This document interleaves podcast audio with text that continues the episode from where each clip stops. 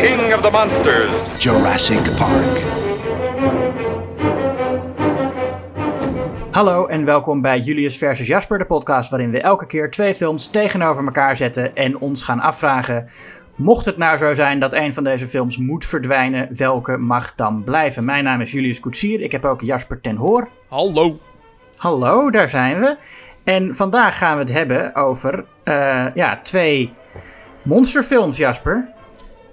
Ja, je zou kunnen zeggen dinosaurusfilms, maar dan komt ook de vraag: of is Godzilla een dinosaurus? Ja, want het is inderdaad nou, Godzilla versus Jurassic Park. eh, Steven Spielberg tegen Roland Emmerich. en ehm, daar gaan we het over hebben, Jasper. Hè? Tegen Ro- Roland Emmerich? Ja? Nee, toch? Dat is toch... Dat is het toch? Oh, je bedoelde de originele. Ah, nee, ja, tuurlijk. Ja, d- inderdaad, eh, Godzilla 1954. Eh, eh, het was maar een grapje van mij dat ik de, de, de Emmerich zei. We doen gewoon de 1954 Nee, want versie dat, dat- van... daar had ik nooit argumenten voor kunnen bedenken, want die, die wint sowieso toch? Ja, nee, tuurlijk. Ja, dat, dat, is- die, dat, die zou makkelijk inderdaad mogen blijven. Maar Weet je we nog die geniale, van- geniale parodie op Cisco en Ebert in die Emmerich-versie?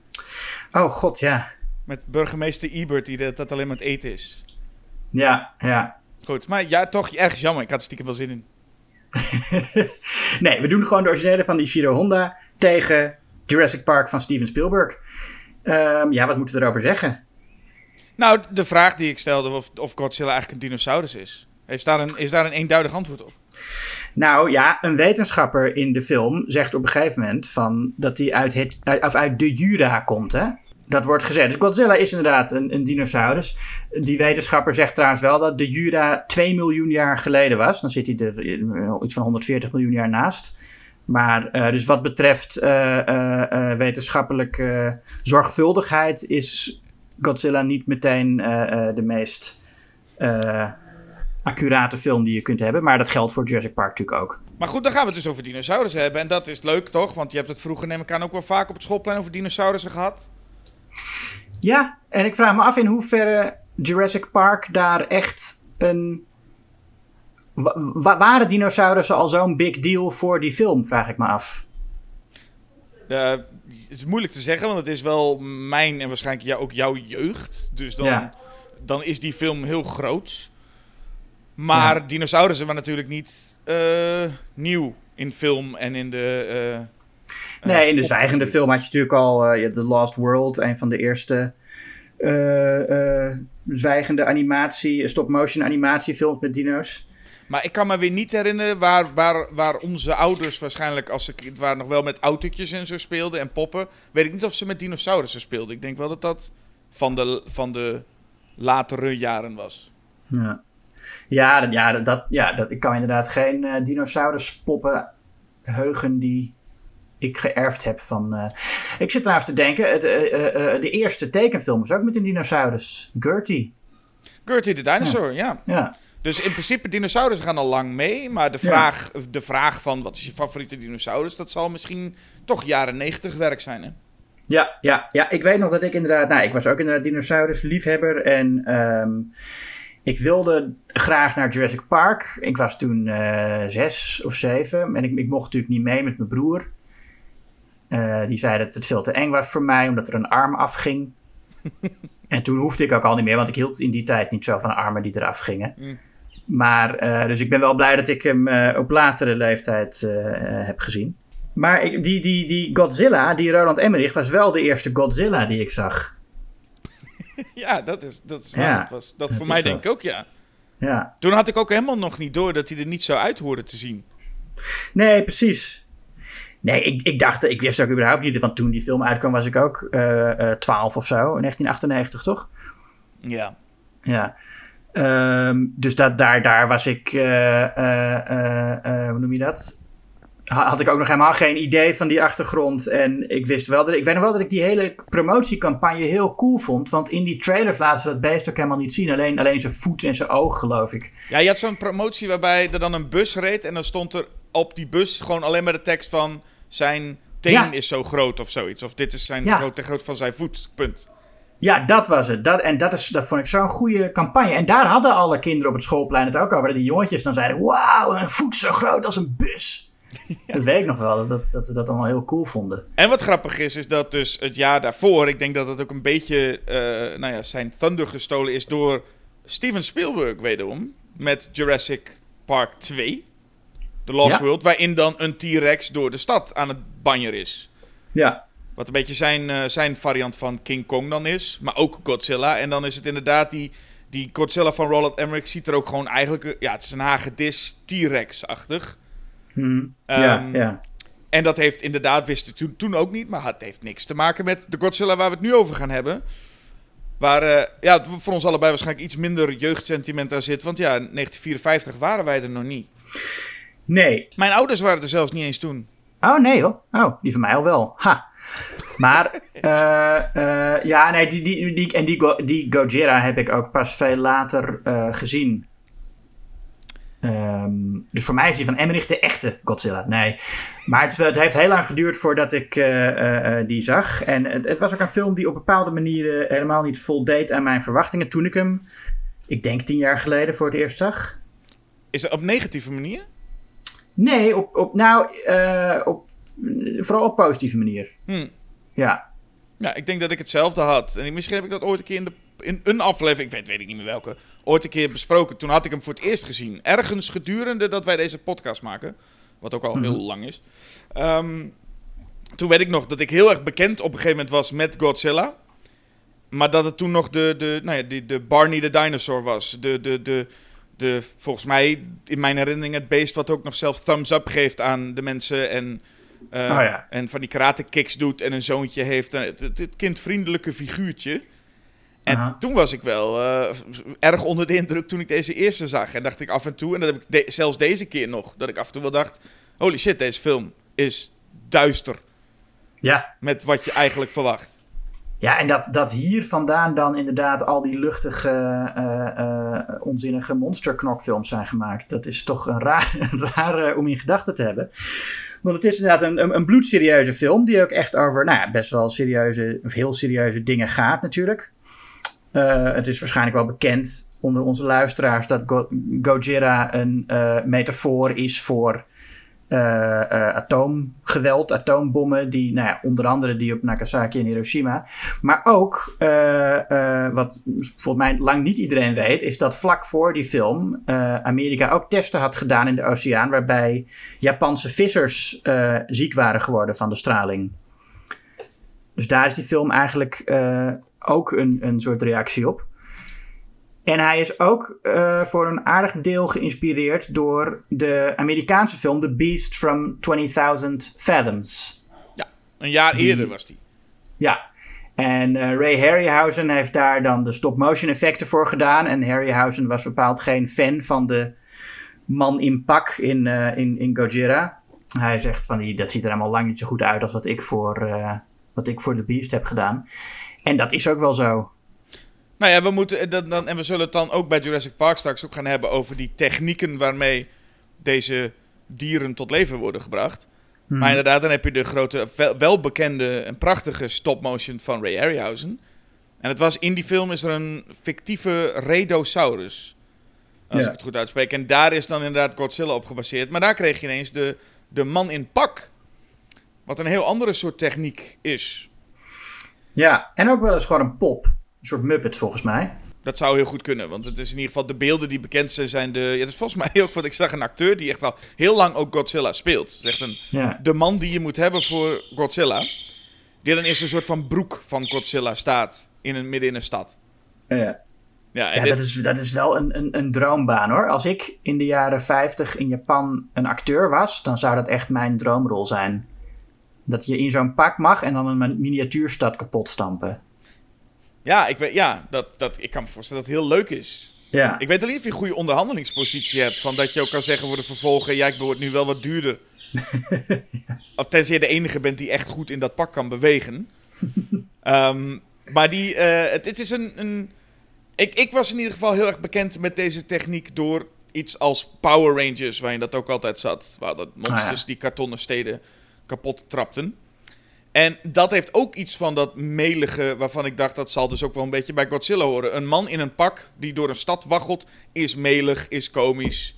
Uh, en ook dat krijg je in deze film nou, niet echt mee. Er zit wel iets af en toe wat, wat, wat, wat leuk kneuterigs in, maar het is voornamelijk ook uh, duister.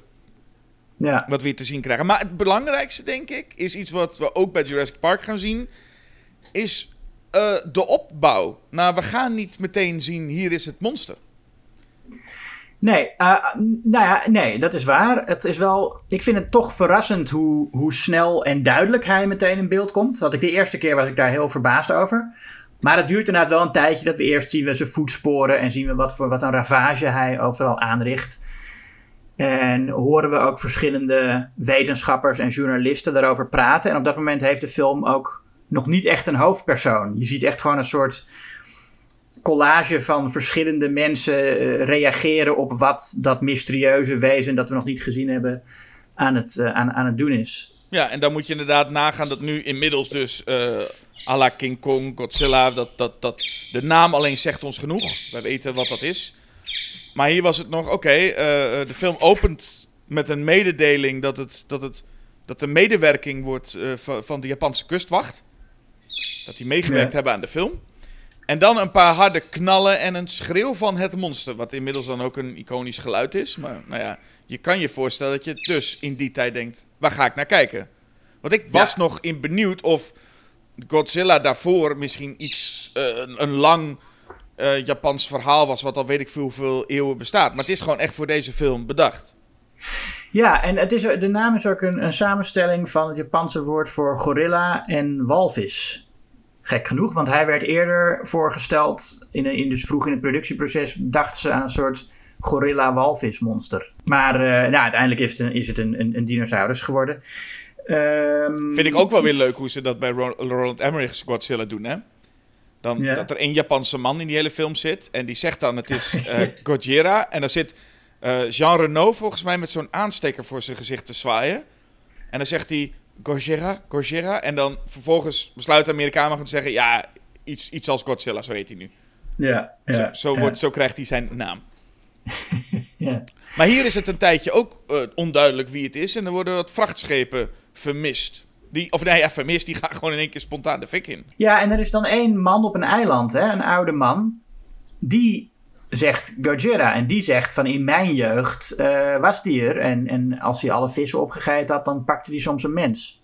Ja, zodra de vissen op zijn, komt hij mensen halen. Dat is de legende die hij, die, die man kent. Ja. Nee, maar daar is hij ook bij geweest zelf. Hij, heeft, hij kan zich dat herinneren. Dat Godzilla echt op, uh, op het land liep? Volgens mij, uh, nou, hij herinnert zich dat ze dan af en toe een meisje op een vlot de zee opstuurde als offer. Hmm. Wat een, ook een beetje King Kong-achtig is natuurlijk. Ja.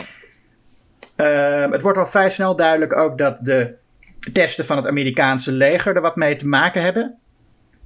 En dan krijg je meteen een, een, een goede scène waarin ook gediscussieerd wordt van... oké, maar wat moeten we met die informatie? Het is heel, ja, het is de waarheid. En, uh, maar als we het naar buiten brengen, is dat ook misschien niet goed voor onze, voor, voor onze diplomatieke uh, relatie. Mm Ehm, dan zie je al meteen dat die film veel meer met politiek bezig is dan de, nou ja, dan, dan de eerdere monsterfilms. Ja. Ehm, en dan op een gegeven moment zien we hem. En tot dat, tot dat moment hebben we dus nog, niet, nog geen echte personages gehad eigenlijk. Het zijn vooral mensen die een, een bepaald standpunt vertegenwoordigen. Ja, mensen die inderdaad... En gaandeweg kleine... Eigenlijk wel mooi hoe dat opbouwt. Hè. Eerst een, uh, zien we de resultaten en op een gegeven moment inderdaad ook zo'n voetafdruk. En dan komen ze in dat voetafdruk ook achter dat er een soort radioactief water uh, in zit. Ja. Waardoor zijn oude professor meteen vol met zijn blote handen erin gaat grijpen in dat water. ja, dat is uh, uh, Takashi Shimura. ook een van de vaste acteurs van Kurosawa. En een van ja, mijn favoriete Japanse acteurs. Is dat de man ook van die in Ikiru speelt? Ja, ja, dat is hem. Ja, ja. zo'n mooie tragisch, tragisch gezicht heeft deze man. Ja, ja ontzettend. Ja. En die, maar die gaat dus vol met zijn blote handen in dat radioactieve water graaien. En inderdaad, volgens mij is het na 22 minuten, dacht ik ergens, dan krijg je voor het eerst die kop van Godzilla overdag. Dus ook niet eens heel erg verborgen, maar ineens steekt hij zo zijn kop achter een berg vandaan. Ja, nee, dat is het. En dan, en dan zie je al die mensen schrikken. En dan denk je, nou, dat is toch ook voor die tijd niet uh, heel bijzonder wat we daar zien. Die, die, gewoon die, hoe die kop daar staat. Ja. Uh, nou, het is niet. Nee, het is niet uh, de, zoals ik in ieder geval zie van de Harryhausen stop motion. waarvan je denkt: holy shit, hoe is dat gedaan? Of hoe is dat gemaakt? Nee, en, en het, is ook niet, het is ook niet als King Kong. Ik bedoel, King Kong is natuurlijk ook niet uh, realistisch of zo. maar is wel, ziet er wel echt goed uit, vind ik. En, en mooi om te zien. En dat heb je bij uh, Gojira toch uh, niet. Daarom, ik denk, ja, dat is ook de reden dat ze hem grotendeels in de nacht uh, laten zien hierna. Nou, ik vond het ook een, wel een bijzondere keuze om hem daarom vooral overdag, dus dat je hem ja. echt zo in volle glorie, in ieder geval die kop zo laat zien. Je zou verwachten dat inderdaad eerst een voetafdruk, daar misschien een staart en misschien een keer een, een been. Maar het is nu inderdaad gewoon echt na 22 minuten, we hebben een voetafdruk gezien, hier is zijn kop. En dan steekt hij zo die kop achter die berg vandaan. Een been, zeg jij. Heeft Godzilla benen? Het is wel een edel dier, hè? Nou ja, het is ook, ik zei ook kop. Misschien heeft, ja, hij, ja, ja. ook wel een hoofd. het hoofd van Godzilla. Ja. Nou ja, dat is wel de, de kritiek die, die uh, veel Japanners op, de, op Emmerich's Godzilla hadden. Dat, dat de, de, de god eruit was. Hoewel dat natuurlijk het, in feite niks te maken, de naam niks te maken heeft met God. Is het wel zo dat Godzilla in die vervolgdelen steeds meer een soort goddelijk monster is geworden. Zoals hij ook in de, in de nieuwe Amerikaanse films wordt neergezet. Hè? Dat idee van deze monsters zijn er waren er eerder dan wij en zijn een soort goden die aanbeden moeten worden. Mm -hmm. um, en hier is, is, is dat helemaal niet zo. Is het gewoon duidelijk dat Godzilla er niet hoort te zijn. Want volgens mij zijn er wel verschillende theorieën. Ik dacht dus, en zeker met die van Emmerich, dacht ik dat het gewoon een normale uh, hagedis was en dat door kernproeven hij zo geworden is. Ja. Maar hier wordt er volgens mij ook iets van een theorie in. Eh, want dat, dat is dus veel. Hè? Deze films zijn allemaal theorieën. Mensen die met elkaar praten. Wat zal het zijn? Dat iemand zegt: ja, Godzilla zat ondergronds. Maar door die kernproeven, die kernproeven vernielde zijn habitat. Ja. Waardoor dat, dat dan suggereert, niet per se suggereert dat die kernproeven hem hebben veroorzaakt. Maar meer hebben zijn habitat vernield. En daarom komt hij maar naar boven. Ja, maar ze hebben hem wel monsterlijker gemaakt hoor ik, dat tenminste, ik heb wel het idee dat ze dat zeggen. Als, als, die, als die professor op een gegeven moment zegt van... Uh, uh, um, hij, hij, hij is gedoopt in het, in het vuur van die atoombom. ik heb wel het idee dat hij...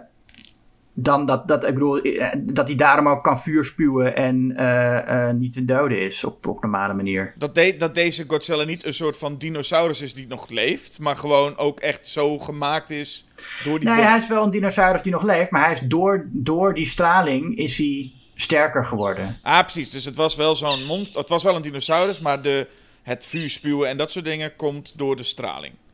Dat idee heb ik, ja. Ja, precies. Want ik dacht dus, maar dat is misschien bij die Emmerich-versie dan in ieder geval zo, dat het gewoon een normale hagedis was die uh, zo geworden is door puur de, de, de, de kernproeven. Oh ja. Maar het kan ook zijn ja. dat het inderdaad in dit geval dus een monster is. Want ze hebben ook een presentatie. Daar gaat dan een man, die gaat dan ook presenteren. En dan krijg je een tekst in de presentatie van... Lang geleden was er de Brontosaurus en de dinosaurus. Wat? Ja, nee, maar dat, dat, is ook weer Shimura. Dat is ook diezelfde professor, toch, die dat uh, doet. Ja. En dan zegt hij van 2 miljoen jaar geleden uh, tijdens de Jura. Ja, waren de Brontosaurus en de dinosaurus. Ja. Oké. Okay. Um, maar goed, maar deze film, ja, het, het is een, wel interessant. Deze film heeft een hele serieuze toon. Ondanks dat, mm -hmm. dat dus die, die beetje malle kop die we achter die berg vandaan zagen, heeft hij een serie. En heel veel gesprekken en vergaderingen. De hele, de, het hele eerste uur van de film is dat eigenlijk van allemaal discussiëren. Hoe, hoe gaan we verslaan? Waar komt het vandaan? Hoe gaan we dit nu aanpakken? Ja, morele kwesties. Ja, nou ja, en, en inderdaad, Shimura, die wil, dus die, die professor, die wil hem eigenlijk niet doden. Die wil hem in leven houden en onderzoeken hoe het kan dat hij uh, zo uh, onoverwinnelijk is. Mm -hmm. En dan heb je, ja, een, uh, je hebt ook een, een, dokter, ik moet even die namen erbij hoor. Uh, oh ja, uh, dokter Serizawa. gespeeld door Abihiko Hirata. Hira, ja, Hira, ja. ja, sorry, ik moet, ik moet die, die, die, de namen van deze personages heb ik niet allemaal even goed in mijn hoofd. Ja, Akihiko Hirata speelt dokter Serizawa in elk geval. En dat is de dokter met het ooglapje. Oh ja, de, die... de, oh, oh, dat is het overlapje, ja. Ja, Die eh, een, ja, een, een, een, een soort. eh, nou, een oxygen destroyer noemen ze het, ook in het Japans. eh, die ze, heeft hij uitgevonden waarmee. ja, het, het zuurstof uit water wordt gehaald. Wat er dan toe leidt dat alle vissen in dat water direct sterven. Zoals hij demonstreert. Ja. Waarop zijn vriendin, vind ik nogal overdreven, reageert. Ja, want het is een soort van in één klap. eh, Zijn het allemaal van die eh, vissen. Het is een beetje Kobe's tekenfilmbeeld natuurlijk. Dat je. eh, in, in één klap zijn vissen ineens eh, van die graden geworden. Van die eh, eh, ja, skeletjes. kleine, gewoon kleine vissenskeletjes. vissenskeletjes. In één klap. En dan inderdaad schreeuwt zij heel hard. eh, ja, valt ze in zijn arm ook. Ja, Emiko. Emiko is eh, dat, die ja. wordt- Die vindt, dat, die vindt dat helemaal niet leuk. Nee. Maar ja, wat moet, dat moet. En eh, nou, dan wordt er inderdaad voorgesteld om dat middel dan maar te gebruiken om Gojira te vernietigen. Ja, want, en, en er is een heel ding over die wetenschappen met dat ooglapje dus. Die, Ja. die, die wil dat dus niet. En hij zegt, ooit zal deze Oxygen Destroyer worden ingezet voor iets vreedzaams. En ik zit mij wel echt af te vragen, waarvoor dan?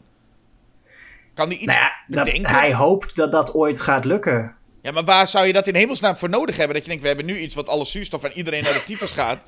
Ik hoop dat er ooit iets met een vredesding komt waar we dat voor kunnen gebruiken. Nee, maar dat is zijn idee van wetenschap. Je, in hij zegt in principe kun je alles, alles al, alle vooruitgang zal een soort hoger doel hebben. Maar zolang we dat niet weten, moeten we voorzichtig blijven. Snap ik, maar ik weet niet of je gewoon... Je uitvinding is de Oxygen Destroyer. Ik weet Ja, gewoon nee, niet ik, of weet, je ik, echt... weet ook niet, ik weet ook niet waar je dat ooit voor gaat gebruiken. Wat, wat een positief. Nou ja, voor het vernietigen van Gojira, dus dat is. Ja. Nou ja, hij- hij- ik bedoel, hij noemt het zelf ook. Hij noemt het zelf ook een massavernietigingswapens. ja. En hij is dan vervolgens bang dat mensen... Hij wil het ook niet met de wereld delen, want hij is bang dat mensen het als wapen gaan gebruiken. Maar ik denk, ja, maar dan... dan ik snap wel dat hij dat niet wil, maar dan moet je het ook niet... Hij noemt het zelf ook een massavernietigingswapen. Het is niet Ja. van, het is iets heel moois, maar in de verkeerde handen kan het gebruikt worden. Maar goed, hij, het- toevallig wordt het nu eh, gebruikt uiteindelijk. We, we springen helemaal naar het einde van de film, weet je dat? ja, maar we, we gaan zo nog even over andere dingen praten. Ja, we gaan nog over andere dingen praten. Maar in ieder geval, ja, hij is, eh, hij is bang dat het eh, wordt gebruikt. En dan wordt het net zoiets als de, die H-bomb. Ja. Daar is hij bang voor. Ja, en nou, dat is nou, een, een- een, terechte angst, denk ik. En daarom vernietigt hij alle documenten waarin beschreven staat hoe hij dat ding gemaakt heeft. En gaat hij zelfs zichzelf opofferen, omdat hij ook niet in de verleiding wil komen om het allemaal nog een keer te doen. Dus hij denkt, ik maak nou gewoon die, die, die Gojira, daar zijn we vanaf. En dan vervolgens eh, neem ik het geheim met me mee. Ja. Nou ja, dat is toch eh, prachtig. Ja, want zij is ook... Zij, zij- hij vernielt al dat... Hij, ze mag het maar één keer gebruiken. En dan verbrandt hij inderdaad al die plannen. Ja, En dan zie je ook Emiko daar heel emotioneel van worden. ja. Ik vroeg me ook af waarom ze dat zo... Waarom Nou ze zo emotioneel werd. Vanwege dat die plannen ver- ver- vernield werden. Nou ja, omdat dat, dat zijn jaren, jaren werk zit daarin, Jasper. Van hem. Ja, dat, en dan wordt zij... Ja. Dat, dat, dat, maakt Nee, maar zij zijn toch, zij is toch. Nou, zij zijn allebei. Er zit een soort driehoeksverhouding in, hè? Je hebt, je hebt, je hebt eh, haar en hem en dan nog. En hem. ja. Dus nee, er zit, daar zit wel er zit een soort romantische spanning tussen die twee. Dus zij geeft wel erg veel om hem en geeft ook veel om. Okata is dat dan, die andere. Ja. Ja. Ja. Want dat is, dat is een andere. En je hebt namelijk inderdaad die professor. Ik noem ze even zo. Maar je hebt dus Emo. eh dat lijken een beetje de hoofdpersonen te zijn. In ieder geval, althans, ik krijg de hele tijd door. Dat, Ja, die, die onthullen zichzelf gaandeweg als de hoofdpersoon. Ja. ja, ik had het idee dat Emi, Emiko echt de hoofdpersoon is, de dame. Dat, zo voelt het een beetje. Of in ieder geval, dat kwam, ik kreeg, die vibes kreeg ik steeds bij haar. Oké. Eh, omdat zij eigenlijk de linkjes heeft met die, met die patch meneer. En ook, dus zij hoort bij dat gezin met die, met die dokter, met die snor. Ja. Dus ik, ik, ik ging een beetje op haar af van zij zal het wel weten. Maar die, eh, die professor heeft dan op een gegeven moment met, met Ogata ook zo'n zo'n eh, discussie. Ja. En dit vind ik trouwens heel interessant, komen bij Jurassic Park ook op. Dit is een film dus die veel gesprekken heeft en veel discussies heeft. Dus niet echt een, het is een monsterfilm, maar een monsterfilm die veel al ook, eh, nou ja, veel dingen over, ja, veel discussie, meer discussie bijna nog dan echte vernieling of, of monsters. En hier zit een professor die met die Ogata aan het discussiëren is. De professor wil Godzilla houden. om te onderzoeken. En Ogata zegt, zoals heel veel mensen ook zeggen, van we moeten hem doden, want hij eh, maakt veel te veel kapot. Ja, en Ogata is, is een kapitein van, een, eh, van zo'n reddingsschip. En eh, vaak in, ja, als je Amerikaanse science fiction films uit die tijd kijkt, waarin er een soort, een soort monsterlijke dreiging is, dan is, er, dan is er ook wel vaak zo'n professor die zegt: we moeten het monster juist onderzoeken, hè, zoals in uh, The Thing from Another World. Ja. Maar die professor heeft daarin altijd, krijgt hij op ongelijk en wordt hij ook te grazen genomen door het monster. Nou ja, uh, ik vind hier. Kijk, die professor sowieso al, hè. Die professor die zegt: we moeten het onderzoeken. Die man die zit bij hem thuis en die zegt: Nou, ik vind dat we hem eigenlijk wel moeten doden, want hij heeft heel veel schade aangericht. En dan zegt die professor: Muis uit, nu. Ja, ja nee. Hij is wel radicaal daarin. Nou, poeh, maar daar al... Uh... Hij, en hij, hij, hij, krijgt ook ongelijk. En je ziet hem ook uh, sip kijken als blijkt dat uh, Gojira de, de heel Tokyo in puin legt. Nou, dat. Maar, maar, ik vroeg me ook af, hoe gaat die dokter dat... Nou ja, oké. Okay. Hoe ga je dat aanpakken? Hoe ga je dat ding levend bestuderen? Nou, hij wil hem gewoon vangen. Ik bedoel, er zijn wel vaker grote beesten gevangen. Nou, dit is wel... Maar ik bedoel, we hebben het over Godzilla. Dat is echt... Ik bedoel... Ja, een groot net. een groot net. een hele, hele grote stapel vis dat was beter Zoals geweest. We hadden, de... hadden ze maar ergens in Japan in 1954 ook uh, uh, uh, Matthew Broderick. Um, nee, goed, maar, maar, man... nee, maar wat ik bedoel, kijk, die, die, die, die, die dokter die krijgt wel ongelijk, maar hij wordt niet als heel onredelijk weggezet. Kijk, alle standpunten worden in deze film toch met enig respect behandeld. Nou, hij staat niet echt open voor andermans standpunten. Want Ogata moet meteen het huis uit als hij ook maar iets Ja, nee, maar, de, maar de, film, de, de film op zich behandelt alle standpunten ten opzichte van Godzilla met respect en begrip. Ik vind het inderdaad wel mooi dat er dat na een half uur, maar nee, wat is het na een uur ongeveer, krijg je die grote aanval. Maar iets daarvoor mm -hmm. zien we Godzilla inderdaad. Dat is wel een mooie klassieke opbouw, steeds iets meer zien. Ik had eigenlijk die kop achter die berg had ik dan misschien niet gedaan. Maar dat hij na een half uurtje in uh, uh, zo'n aanval pleegt, of in ieder geval heel langzaam beweegt met die mensen op de voorgrond, dacht ik, oh, dit is wel een mooi shot en een goed, nog best wel goed effect. Ja, mijn favoriete scène van de ravage is, dan staat er zo'n uh, journalist op een, op een, op een ja. toren. Ja. En het is, ik vind het heel leuk hoe, hoe professioneel die journalist blijft. Ja. Want hij, is, hij, hij, hij staat doodsangsten uit en hij weet op een gegeven moment ook dat hij doodgaat. Maar hij raakt niet in paniek. Hij, en hij blijft gewoon ook heel professioneel verslag doen terwijl hij doodsbang is. Zegt hij van, oh hij komt, ga ik nu dood? Ja, ja, dit is het einde, Ja. vaarwel. Ik, ik, denk dat, ik denk dat in Nederland, ik denk als we zoiets zouden hebben, ik denk Maart Smeet zou hetzelfde doen hoor. maar het is inderdaad, hij zit op die radiotoren. Je ziet gewoon dat monster aankomen. En hij zegt inderdaad, hij komt eraan. Hij komt dichterbaan. Ja, hij knaagt nu aan de toren. Ja, daar gaan we. Ik ga nu vallen. Echt een soort mooi live Ja. verslag. Denk, die man gaat echt... Eh, sayonara, zegt hij dan. Ja, hij gaat, dat is inderdaad, die- dat is een diehard, ja. Klopt. En, eh, en dan zie je Godzilla zo als een. En dan is hij echt een, een Muppet. Dan is het volgens mij gewoon echt een hand in die pop. Want je ziet hem zoals Kermit zo die toren pakken met zijn mond. Ja, En, eh, en, eh, en, en, en verkreukelen. ja. En, eh, en, en over goede voorbereiding gesproken, dat is tijdens, net daarvoor is, hij, eh, er komt, is een soort crisiscentrum. En daar komt een omroep van nu naar de schuilkelders. En echt twee seconden later stort het hele gebouw in. Ik denk, dat is ook wel een beetje laat. Ook. Ja, Maar, maar nou zitten wij hier over, over te praten hoe leuk die ravagescènes zijn. Maar voor heel veel Japanners in 1954 was dat natuurlijk eh, een directe verwijzing naar wat ze ook hadden meegemaakt. Hè. Je ziet ook vroeg in die film zit er ook een vrouw in de bus en die zegt ook van... eh, nou, ik ben net in Nagasaki ontsnapt en dan krijgen we dit. Ja, en, maar dat is dus, kijk, dat is met de, de kennis van, van nu, is het, vind ik het heel interessant om te kijken naar, oké, Godzilla, die, dat, dat, een soort volksheld is het, ook in Japan is het echt een volksheld Ja. geworden. En hier, eh, Godzilla is echt een lul.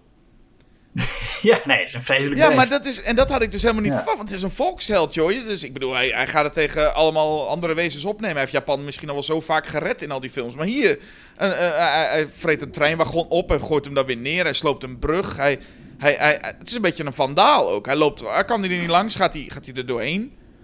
Ehm, Ja.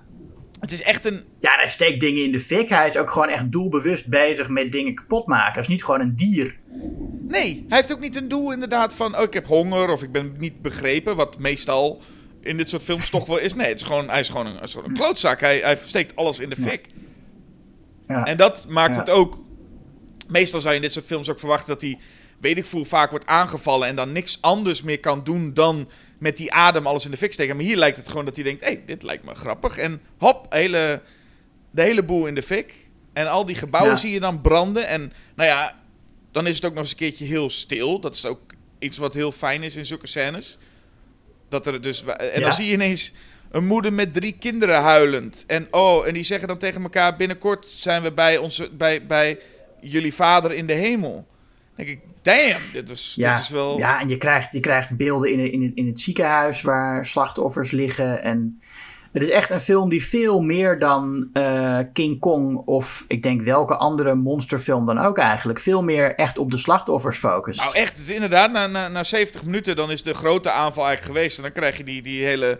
Dat, inderdaad, het ziekenhuis vol. En dan een dode vader die wordt afgevoerd terwijl er een kind aan het krijsen is. En dan denk, Ja. denk je echt: oh, is dit zo'n. Eh, ik bedoel, hoe, hoe heeft men ooit bedacht van. Nou, laten we in de volgende film Godzilla als held maken. En iedereen vindt hem leuk. En, bijzonder Ja. toch? Dit is echt heel, heel intens Ja. eigenlijk. Ja. Ja, en het, ik bedoel, je moet je voorstellen dat je dat nu bij eh, een Avengers film zou doen. Nou ja, in, in, in, in Endgame eh, zag je het een beetje. Maar dat bijvoorbeeld dat de eerste Avengers, waar we het vorige aflevering over hadden... Hè, dat, dat, dat daar eh, eh, alle slachtoffers op, de, op zo'n manier getoond werden. Ja, zo'n hele rij met of lijken of allemaal, allemaal gewonden en dergelijke. Dat. eh, Ja, Spielberg deed dat in War of the Worlds ook, ook wel aardig. Toch? oh, die had die drijvende. Die vol lijken en... Klopt, ja. inderdaad, ja. Maar dat dat- ook, ook een film natuurlijk die heel direct naar eh, 11 september verwijst. Ja, ja Go- Gojira Ehm, niet. Nee, nee, maar ik bedoel ook een film die heel erg. Nee, dat, dat, Gojira verwijst niet per se naar 11 september, maar wel naar een nationale, een nationale eh, eh, ramp. Want ik moet zeggen, ik heb de, de eerstvolgende film in deze reeks niet gezien. Dus ik weet niet hoe dit... Maar volgens mij is de duistere toon echt alleen van deze film. En is de volgende film al niet zo duister dacht ik. Eh, wat is de volgende ook weer? Ik dacht dat het iets was Godzilla Raids Again. Ah ja, nee, dat, ik, heb, ik heb eerlijk gezegd ook geen idee. Ik weet, ik weet alleen van de latere Godzilla vs. Mothra en zo. Ja. Dat die eh, eh, inderdaad luchtiger en maller waren, maar die vroege vervolgen Nou ja, ben- inderdaad, Mothra kwam erbij en je had op een gegeven moment King Kong natuurlijk. Hè? Ging ook met Godzilla vechten. Ehm, en daar was het allemaal gewoon al wel echt, echt komisch. Leuk komisch. Gekkigheid. Ja. En een malle gekkigheid. En hier is het inderdaad, wat ik ook wel geestig vind, wetende dat er zoveel vervolgen zijn gekomen. Deze film heeft ook een boodschap aan het einde. Met Godzilla is niet de enige. Als we doorgaan met die AIDS-bommen en zo, dan komen er meer. Mhm. En grappig, dat zou tegenwoordig volgens mij gewoon puur zijn van... Ja, dit, jullie willen allemaal sequels maken. maar deze Ja. tekst is dus inderdaad echt niet bedoeld als van... Hier komen meer sequels, maar juist van... eh kappen nu. Het is niet goed. Dit- We moeten hiermee stoppen, want anders komen er meer van dit soort dingen. Ja, dat is wat. En, en eh, als je dan kijkt naar de, de huidige Amerikaanse eh, monsterreeks. ehm, in Godzilla King of the Monsters. eh, van, wat, wat is het ook weer? 2017 alweer? Of? Ja, zo 2018 te 2019 Ja, ergens. Ja, ja, vast. Ehm, dat die heeft ook, die, maar die heeft juist heel erg een soort eh, eco-achtige boodschap van ja, mensen zijn eigenlijk het virus op aarde en die monsters die komen hier en dat is eigenlijk ook maar goed, want dan, eh, eh, hè, dan wordt de, de, de, de orde hersteld. Daar gingen die films toen ook over. Dus natuurlijk de, de, de Avengers Endgame ook. Het ging allemaal over het herstellen van de orde op aarde. En dat die monsters eigenlijk daarvoor kwamen. Ja, want het is altijd zo in Ehm. dit, heel veel van dit soort films. Dat als dat dieren zijn, dieren hebben altijd wel zijn. Hè, mensen zijn slecht. Dieren zijn altijd leuk. Ja. Waar komt dat vandaan toch in deze tijd dat we alle, dat alle dingen met de orde herstellen waren er op een gegeven moment? Ja, goede vraag. Omdat het, omdat, het, omdat het zo chaotisch is allemaal, is daar dan behoefte aan verhalen waarin de orde hersteld wordt. Ja, want je zou ook niet zeggen wat je in een film van, van nu volgens mij zou hebben, is dat in Godzilla, dus Gojira 54, geen echte slechterik zit. Geen menselijk slechterik. Nee. Dat zou je nu ook hebben, toch? Er zou nu altijd iemand opstaan die zegt: Ik ben. eh, ik, ik weet ik veel, ja, de, een, een terrorist. Of Ja, nou, die, die, die, die, die, dat, dat zie je natuurlijk, dat zag je toch in Godzilla eh, King of the Monsters. Dat die eh, gekke dokter die dan helemaal gefascineerd was, dat was dan de slechterik. Dat zou in, in, in, in een, als je, ik denk dat als deze film in de jaren negentig in Amerika gemaakt werd, eh, of zo, dat dan inderdaad die, die, die professor die hem wil bestuderen, dat dat de eh, schurk zou worden. Ja. En het is gewoon best wel fijn. Het is een film waarbij gewoon de mensen zijn gewoon mensen. En, en het monster is gewoon de slechterik eigenlijk, het monster. Ja, en er is inderdaad geen één mens waarvan je denkt, die mag wel verpletterd worden. Nee, tegelijkertijd is het ook niet dat je uiteindelijk, wat je bij King Kong kan hebben, heeft iedereen natuurlijk sympathie voor King Kong. Hè, dat is het Ja. van, oh, deze arme, eh, eh, dit arme monster is gewoon, nou ja, is- die hoort hier ook niet te zijn. We hadden moeten, maar bij Godzilla is het ook gewoon echt, ja, ik kwam zelf naar ons toe en steekt er nu de boel in Ja, de fik. maar-. We kunnen hem ook niet, we hebben niks gedaan. We hebben, ja. Nee, maar hij kwam wel natuurlijk door, eh, door een, een menselijke daden kwam hij. En hij is ook wel misschien heel boos dat hij er is überhaupt. Dat hij, dat, want hij hoort er niet te zijn. En het is een beetje, het is een beetje zoals, zoals Beowulf en, en Grendel. Dat, hè, dat, dat oude epische gedicht. Waar het monster Grendel ook zelf weet dat hij niet hoort te bestaan. En bestaan doet pijn voor hem. Eh, en ik heb ook wel het idee dat, dat Gojira ook op die manier, dat hij gewoon heel boos is dat hij überhaupt bestaat.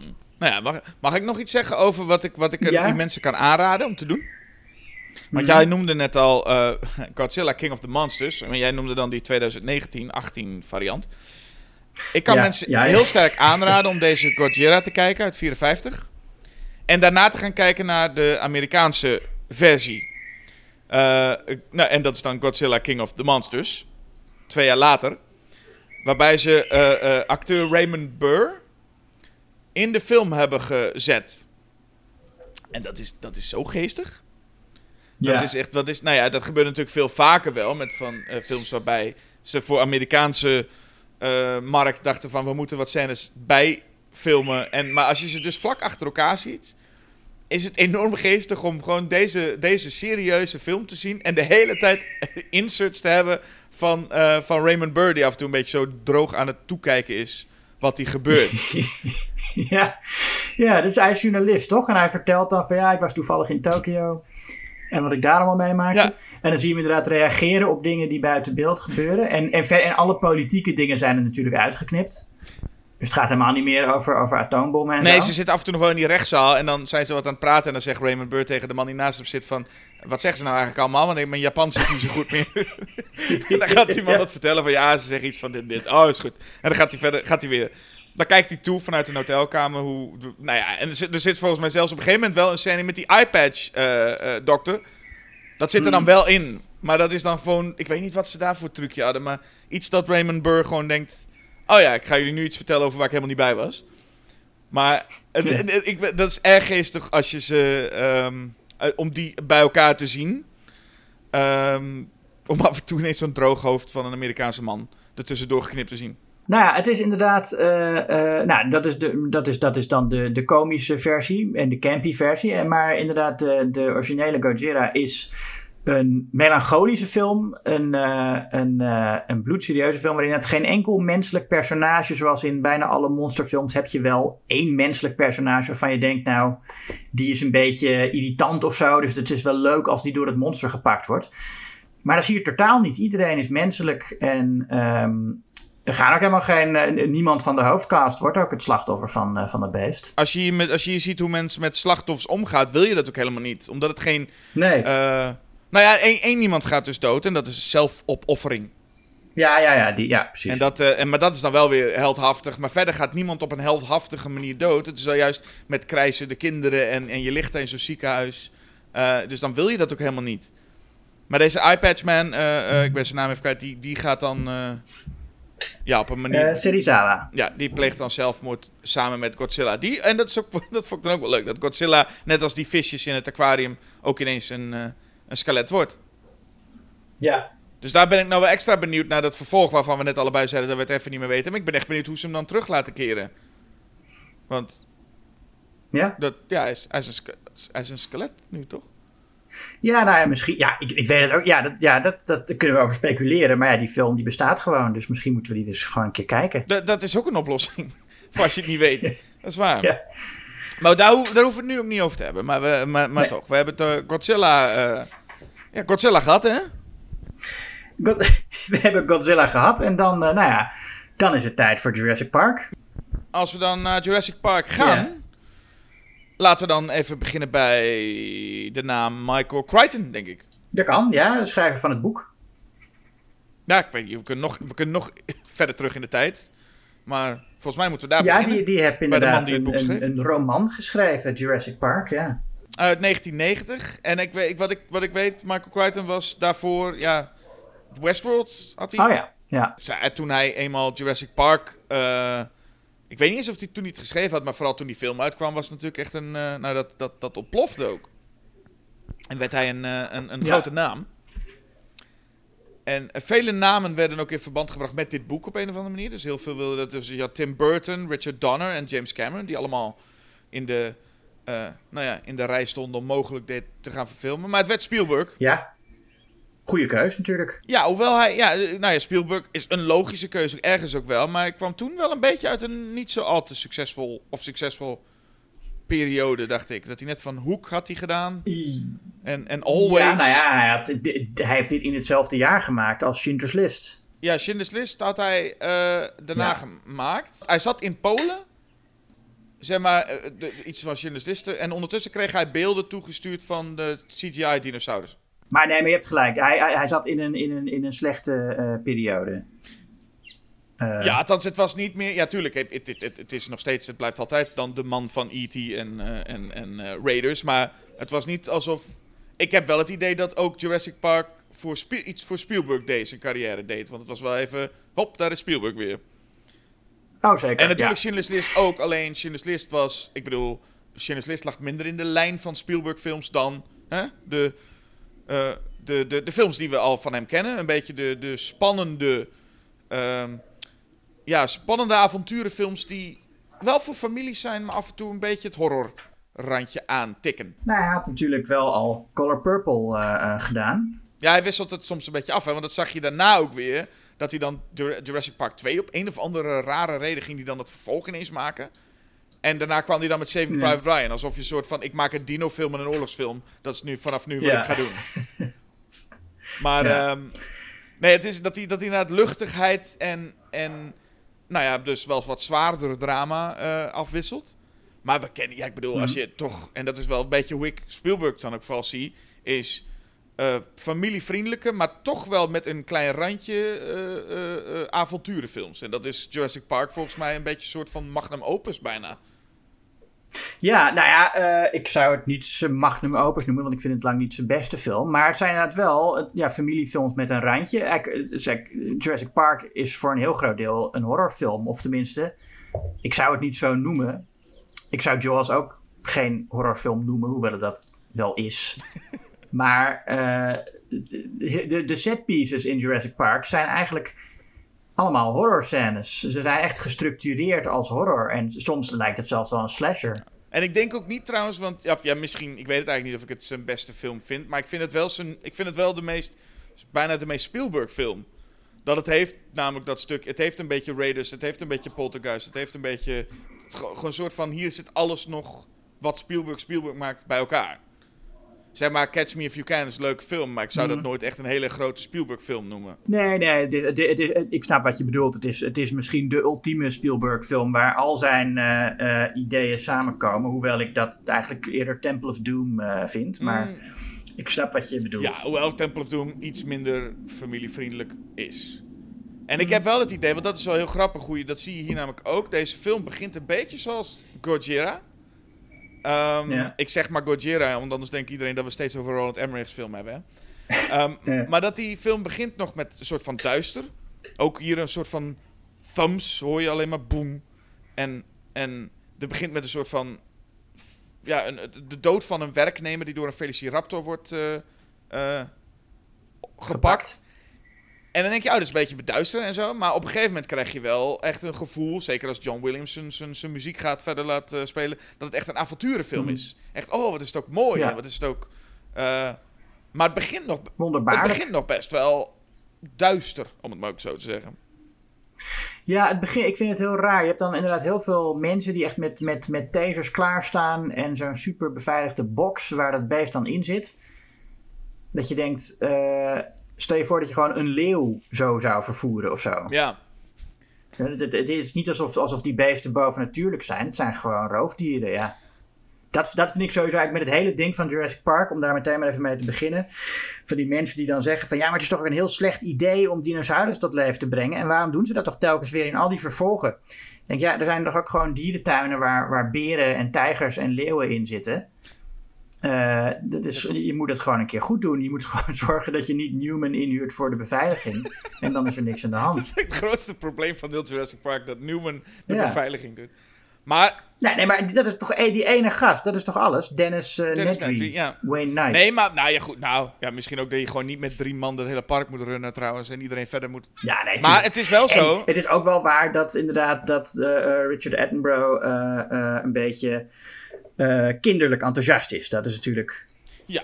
Dat is zijn, zijn voornaamste falen. Dat hij in zijn kinderlijke enthousiasme om de mensen iets moois te geven. Niet, niet echt verantwoordelijk, uh, uh, zijn verantwoordelijkheden neemt. Maar alsnog ben ik team Hammond in, in deze film en niet team Malcolm. Ja, eigenlijk team verder iedereen ongeveer. Want iedereen lijkt een beetje tegen hem te zijn. In ieder geval, hier wordt het iets meer duidelijk wie de, wie de mensen zijn. Hè, de hoofdrolspersonen in plaats van wat je in Gojira zag. Het is uh, oh, een ongeluk bij Jurassic Park. Laten we een groep mensen het park maar bestuderen. En daar komen eerst, eerst komt advocaat, uh, die zien we ook als eerste, hè, die advocaat, uh, Donald mm -hmm. Gennaro. Gennaro, ik weet niet hoe, ze, hoe je zijn naam uitspreekt. Ik weet niet of zijn naam überhaupt ik denk Gennaro. genoemd wordt. Maar die komt als eerste. Daarna heb je Grant Sadler, dus de, de Sam Neill en Laura Dern. En mhm. inderdaad, wat jij al noemde, die, die maken kennis met Hammond, die, die excentrieke opa. Ja. En daar voegt nog zich aan toe Ian Malcolm, oftewel Jeff Goldblum.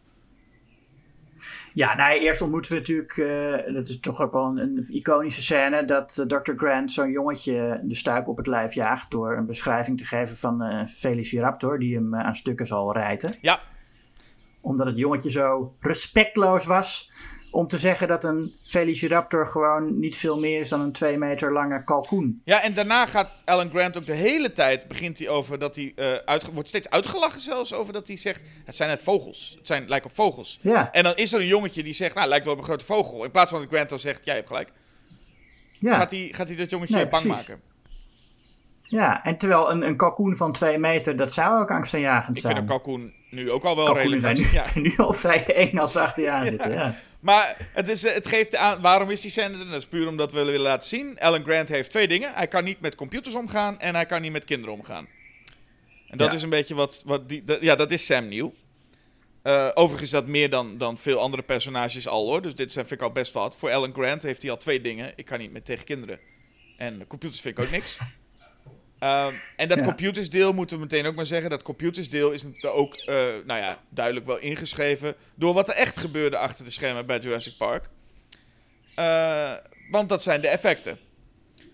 Want we hadden ja. het al over de stop motion van Ray Harryhausen. Eigenlijk gaan we het op, over stop motion hebben in deze aflevering, terwijl beide technieken niet stop motion zijn. Want hier mm. zou dat eigenlijk zijn. Phil Tippett was aangehaald om de stop motions te maken. En uh, toen kwam ineens uh, uh, iemand bij, van ILM bij Spielberg. En die zei, weet je, weet je, we kunnen zo ook... Dennis Murn was dat. En die zei, weet je, we kunnen het ook met de, met de computer doen. En dat vond Spielberg dus heel tof ook. Maar vond het ook wel ergens mm. vervelend om dat tegen Phil Tippett te moeten zeggen. En dan kom je ook die bekende zin van Phil Tippett die die uitspraak was... toen die, de computer gegenereerde dinosaurussen zich dat Phil Tippett zei... Volgens mij ben ik uitgestorven nu. En de ja. poppen van Stan Winston, want dat is de, dat, dat, die zijn er nog steeds. En de CGI werd eraan toegevoegd. Maar Phil Tippett was inderdaad een beetje... Ja, er, er bestaat nog steeds beeld, dat kun je online ook zien.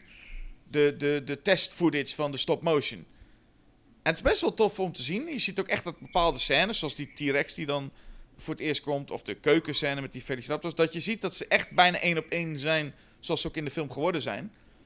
Maar je hm. ziet wel dat inderdaad, ja, stop motion, het is toch nog niet. Het is, het, ja, er zit iets niet helemaal realistisch aan. Ja, en dat was ook juist uh, wat Ray Harryhausen er dan zo goed aan vond. Dat het, dat het eigenlijk net niet realistisch wordt en daardoor enger ook en, en, en, en buitenaardser. Of, dat, dat, hij, hij zag daar echt een soort voordeel in van de vorm. En dat heeft natuurlijk ook wel zijn waarde. Dat special effects hoeven natuurlijk niet per se realistisch te zijn om uh, goed te zijn. En toch heeft, heeft uh, Harryhausen heeft wel, uh, is ook bij Spielberg op de set gekomen. En heeft dus ook die, die animatie, die computergegenereerde dinosaurussen gezien. En was hij niet zo boos over als, als hij dat die Godzilla had. Hij vond dat juist wel, dat hij ook zoiets had van ja, dit is inderdaad de toekomst. En stop motion is in principe ook verdwenen. En is het natuurlijk nog wel voor nu echte stop motion films als stijl.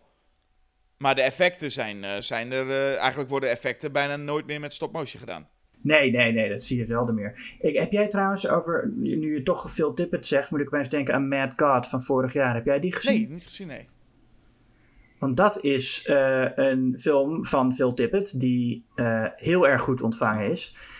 En waar ik, ik weet eigenlijk niet of, of daar dan stop motion in zit, maar dat, uh, dat, dat, dat zou best eens kunnen. Dat, uh, dat hij daar in elk geval, nou ja, in elk geval de creatieve fantasie van Phil Tippett schijnt daar enorm in uh, te zien te zijn. Ja, want Phil Tippett, waar zou je hem dan verder van moeten kennen? Dat is dan, ik denk dat heel veel vooral van Star Wars ook zouden kennen.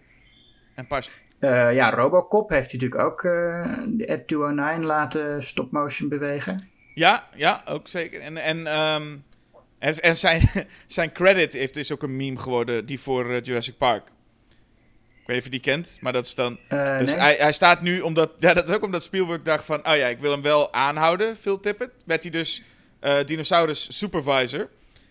Maar dan staat dus heel groot in de credits... Dinosaur Supervisor, Phil Tippett. En dat is er nu een soort meme geworden die dan zegt... You had one job, Phil. En dan... oh, ja. Um, nou. Hij is er dus wel bij betrokken, maar het, ja, het werd dus computer gegenereerd. En ik heb het idee dat, of dat, dat is volgens mij ook gewoon bekend, dat uh, je dat ook terugziet in het personage Alan Grant. De, ik kan niet met computers omgaan, ik wil gewoon graven, hmm. ik wil gewoon vegen met mijn borsteltje over botten. Waarom moet het allemaal met computers? Nou ja, op zich, kijk, nu zou je daar nog wel wat van kunnen zeggen. Want het zijn, je zegt, het, het zijn op, op sommige momenten zijn het alleen maar uh, animatronics, die dinosaurussen. En op sommige momenten zijn ze helemaal digitaal. En, maar volgens mij in de meeste shots is het van allebei een beetje. Zeker bij die T-Rex. Ja, volgens mij is het zo dat als je een volledig, uh, volledige dinosaurus ziet, is die CGI. En eh, zie je delen, zie je dus een ja, poot. Of been, moet ik, ik zelf in dit geval ook been zeggen. Dat is wel zo netjes voor de T-Rex. Als je dat ziet, of een, of een kop, dan is het uh, een, een pop. En ik vind juist het feit, en dat is ook vaak gezegd al, maar ik ga het gewoon nog een keer zeggen. Uh, dat je een film hebt nu uit 1993, redelijk aan het begin stond van de CGI toch wel. En dat nu nog mhm. best wel voor mij nog steeds verborgen is waar soms CGI en, en waar soms uh, practical zit, vind ik heel knap. Ja, zeker. Ik zag toevallig, ik heb dus de, ik heb de nieuwe, uh, ik heb van die hele vervolgtrilogie Jurassic World geen één film gezien, maar ik zag wel de trailer van uh, Dominion, Jurassic World Dominion, de laatste. Zag ik in de bioscoop en toen dacht ik, nou, die dinosaurussen die zien er nepper uit dan die in, uh, in, in sommige shots in de eerste film. En uh, dat, ja, dat, dat, is, dat, dat kan natuurlijk ook komen omdat in de trailer meestal de digitale effecten nog niet helemaal zo uh, opgepoetst zijn als ze in de uiteindelijke film eruit gaan zien. Dat is wel waar. Maar het is wel zo dat uh, Spielberg gewoon veel beter wist hoe hij met CGI om moest gaan dan regisseurs van tegenwoordig. Omdat hij ook echt ja, uh, de, de gebreken kende en voorzichtig was. en dat je, dat je die T-Rex meestal s'nachts ziet dat is natuurlijk geen uh, toeval. Nee, en het is natuurlijk ook nu natuurlijk een stuk goedkoper. Want wat ze hebben gedaan is... Een, uh, Stan Winston heeft een, een, een T-Rex pop van, van, van 5000 kilo gemaakt. Waarvan je ook denkt van ja, dat zal, dat zal je ook niet snel nu meer doen... als je weet dat het eigenlijk ook wel gewoon even met een paar... Nou ja, dat is ook niet waar, een paar knoppen. Maar dat je het nu uit de computer kan laten komen... Want het ding was schijnbaar ook nog levensgevaarlijk. Want het was een animatronic die niet echt tegen regen kon. Stond non-stop in de regen. En uh, nou ja, een, een, een behoorlijk gevaarlijk uh, ding. Waarbij je ook nog kunt voorstellen van ja, zelfs al zou het beter eruit zien. het, is wel, het is wel ja, dat ze dit geprobeerd hebben. Um, het, is niet, het, is, het is handiger om het niet om het uit de computer te laten rollen. Maar het ziet er echt wel anders uit dan mm. daardoor. Ja, nou ja, goed. Je ziet natuurlijk wel in de, de, de eerste keer dat ze dinosaurussen zien in het echt. Dat is die beroemde scène dat ze daar aankomen rijden. En dat uh, nou, eerst Sam Neill en dan Laura Dern vol verbazing met open mond staan te kijken. Dat is misschien wel het, het, meest, het shot dat het meest dat Spielberg sense of wonder uh, weergeeft. Die blik op hun gezicht. Ja, die zonnebril die er dan zo afge, van zijn gezicht afgehaald wordt. Ja, en vooral Laura Dern heeft, daar, die, heeft die blik heel goed uh, in de uh, in gezicht. Ja. Hoe noem je dat? Onder de knie. Waar. Heeft, die heeft heel goed die blik, onder de, blik knie. onder de knie. Ja, ja, ja. Uh, maar dan, dan zie je dus die, die, die Brachiosaurus is het geloof ik, die ze dan mm -hmm. zien.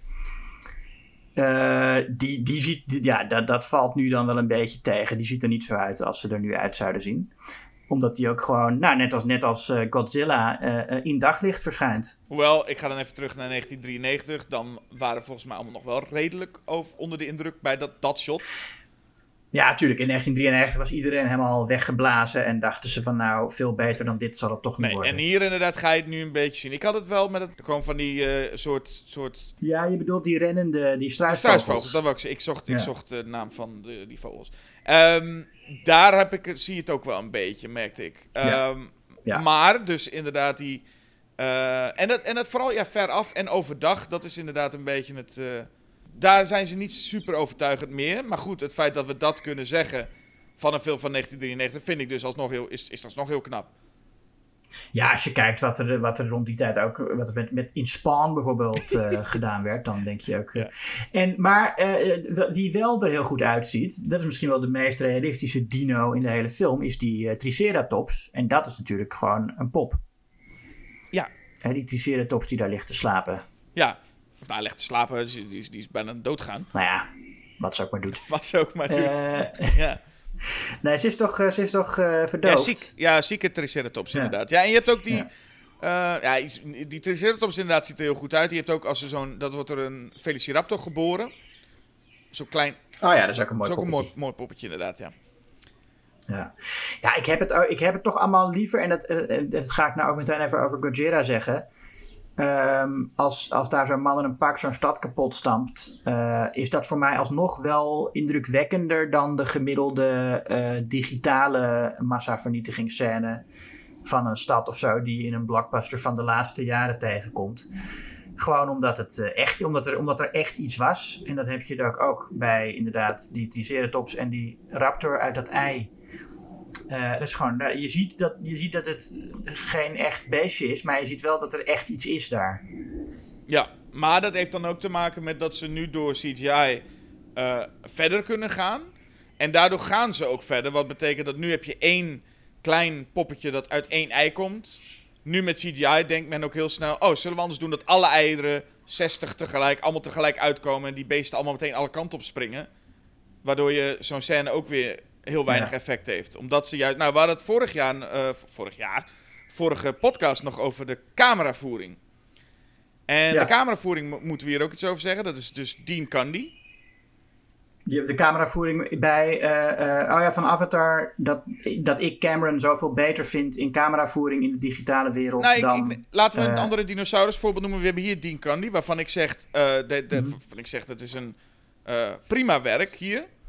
Maar je hebt nu bijvoorbeeld. Uh, nou, laten we anders King Kong nemen van Peter Jackson. Waarbij het, yeah. er allemaal uh, Brontosaurus of Brachiosaurus komen aanrennen. En de camera swoept door die poten heen en zo. Um, yeah, yeah. Hier is het zo dat de camera uh, staat. Is, is heel rustig camerawerk. Geen gekkigheid, niks. Geen, het is allemaal nee. gewoon, gewoon shots. En ook niks vanuit de hoogte. Het zijn, alle shots zijn ter hoogte van mensen.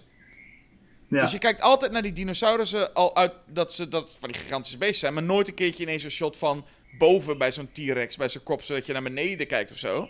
Wat ik heel, een hele sterke manier van cameravoering vind in deze film. Ja. Ja, nee, het is de, de, de menselijke maat. En inderdaad, net zoals uh, Cameron dat in Avatar uh, ja. doet. Uh, dat Spielberg, en ja, dit is natuurlijk geen digitale wereld. Maar ik, tegen, Spielberg heeft later wel, bijvoorbeeld in Ready Player One en ook in uh, The BFG, doet hij wel dat hele gekke ding dat hij de, de, de camera als een malle laat rondspinnen, waar, een, waar een echte camera helemaal niet kan komen. Maar gewoon omdat hij dan in een digitale wereld zit. Laat hij dat dan zo gebeuren. Nou ja, en dat vind ik dan. Ik, ik denk dat hij dan toch. Omdat Spielberg sowieso een regisseur is die heel weinig uh, knipt. Hij, hij heeft hele lange shots, maakt hij. Die, het, het, valt zelden echt op dat het een long take is, althans in, in zijn oude films. Maar, je moet maar als je erop gaat letten, zie je dat hij heel veel takes heeft die veel langer zijn dan andere regisseurs zouden mhm. doen. En ik denk dat, het, dat toen het mogelijk werd om door digitale effecten daar veel verder mee te gaan nog, dat hij zich daarin echt uh, uh, heeft verloren. En dat zie je dan een beetje in, in, in Ready Player One en in De Grote Vriendelijke Reus. Dat, het, dat je denkt van ja, oké, het is wel spectaculair of zo, maar het, het heeft niet echt. Ik heb niet meer het gevoel dat dit een echte wereld is nu, waar ik in ben. Ja.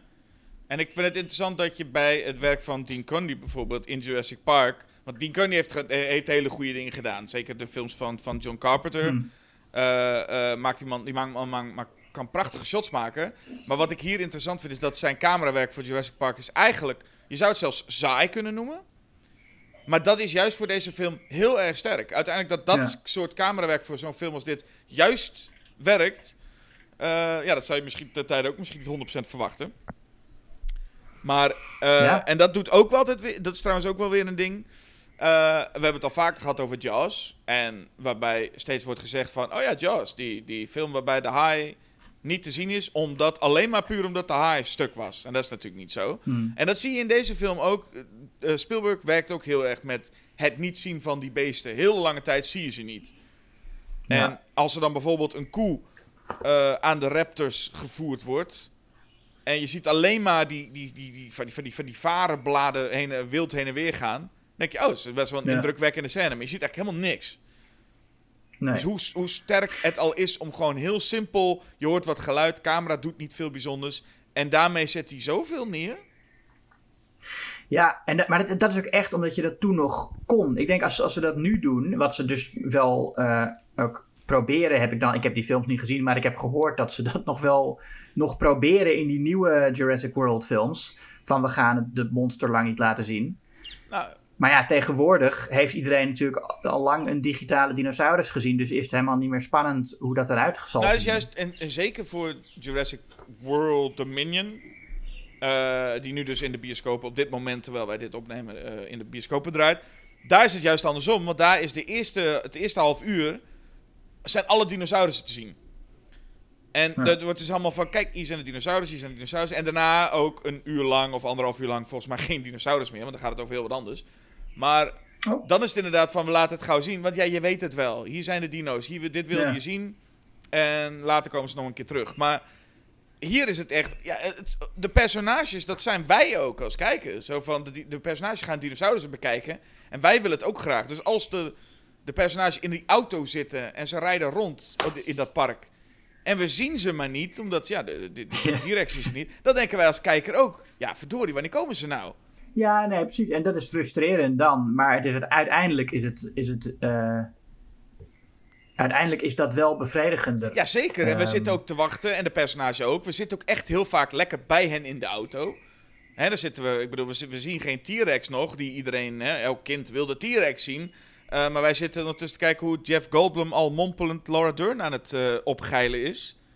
Terwijl Sam Neill... Wat ook spectaculair is om te Terwijl zien. Sam Neill er gewoon naast zit, hè, ook.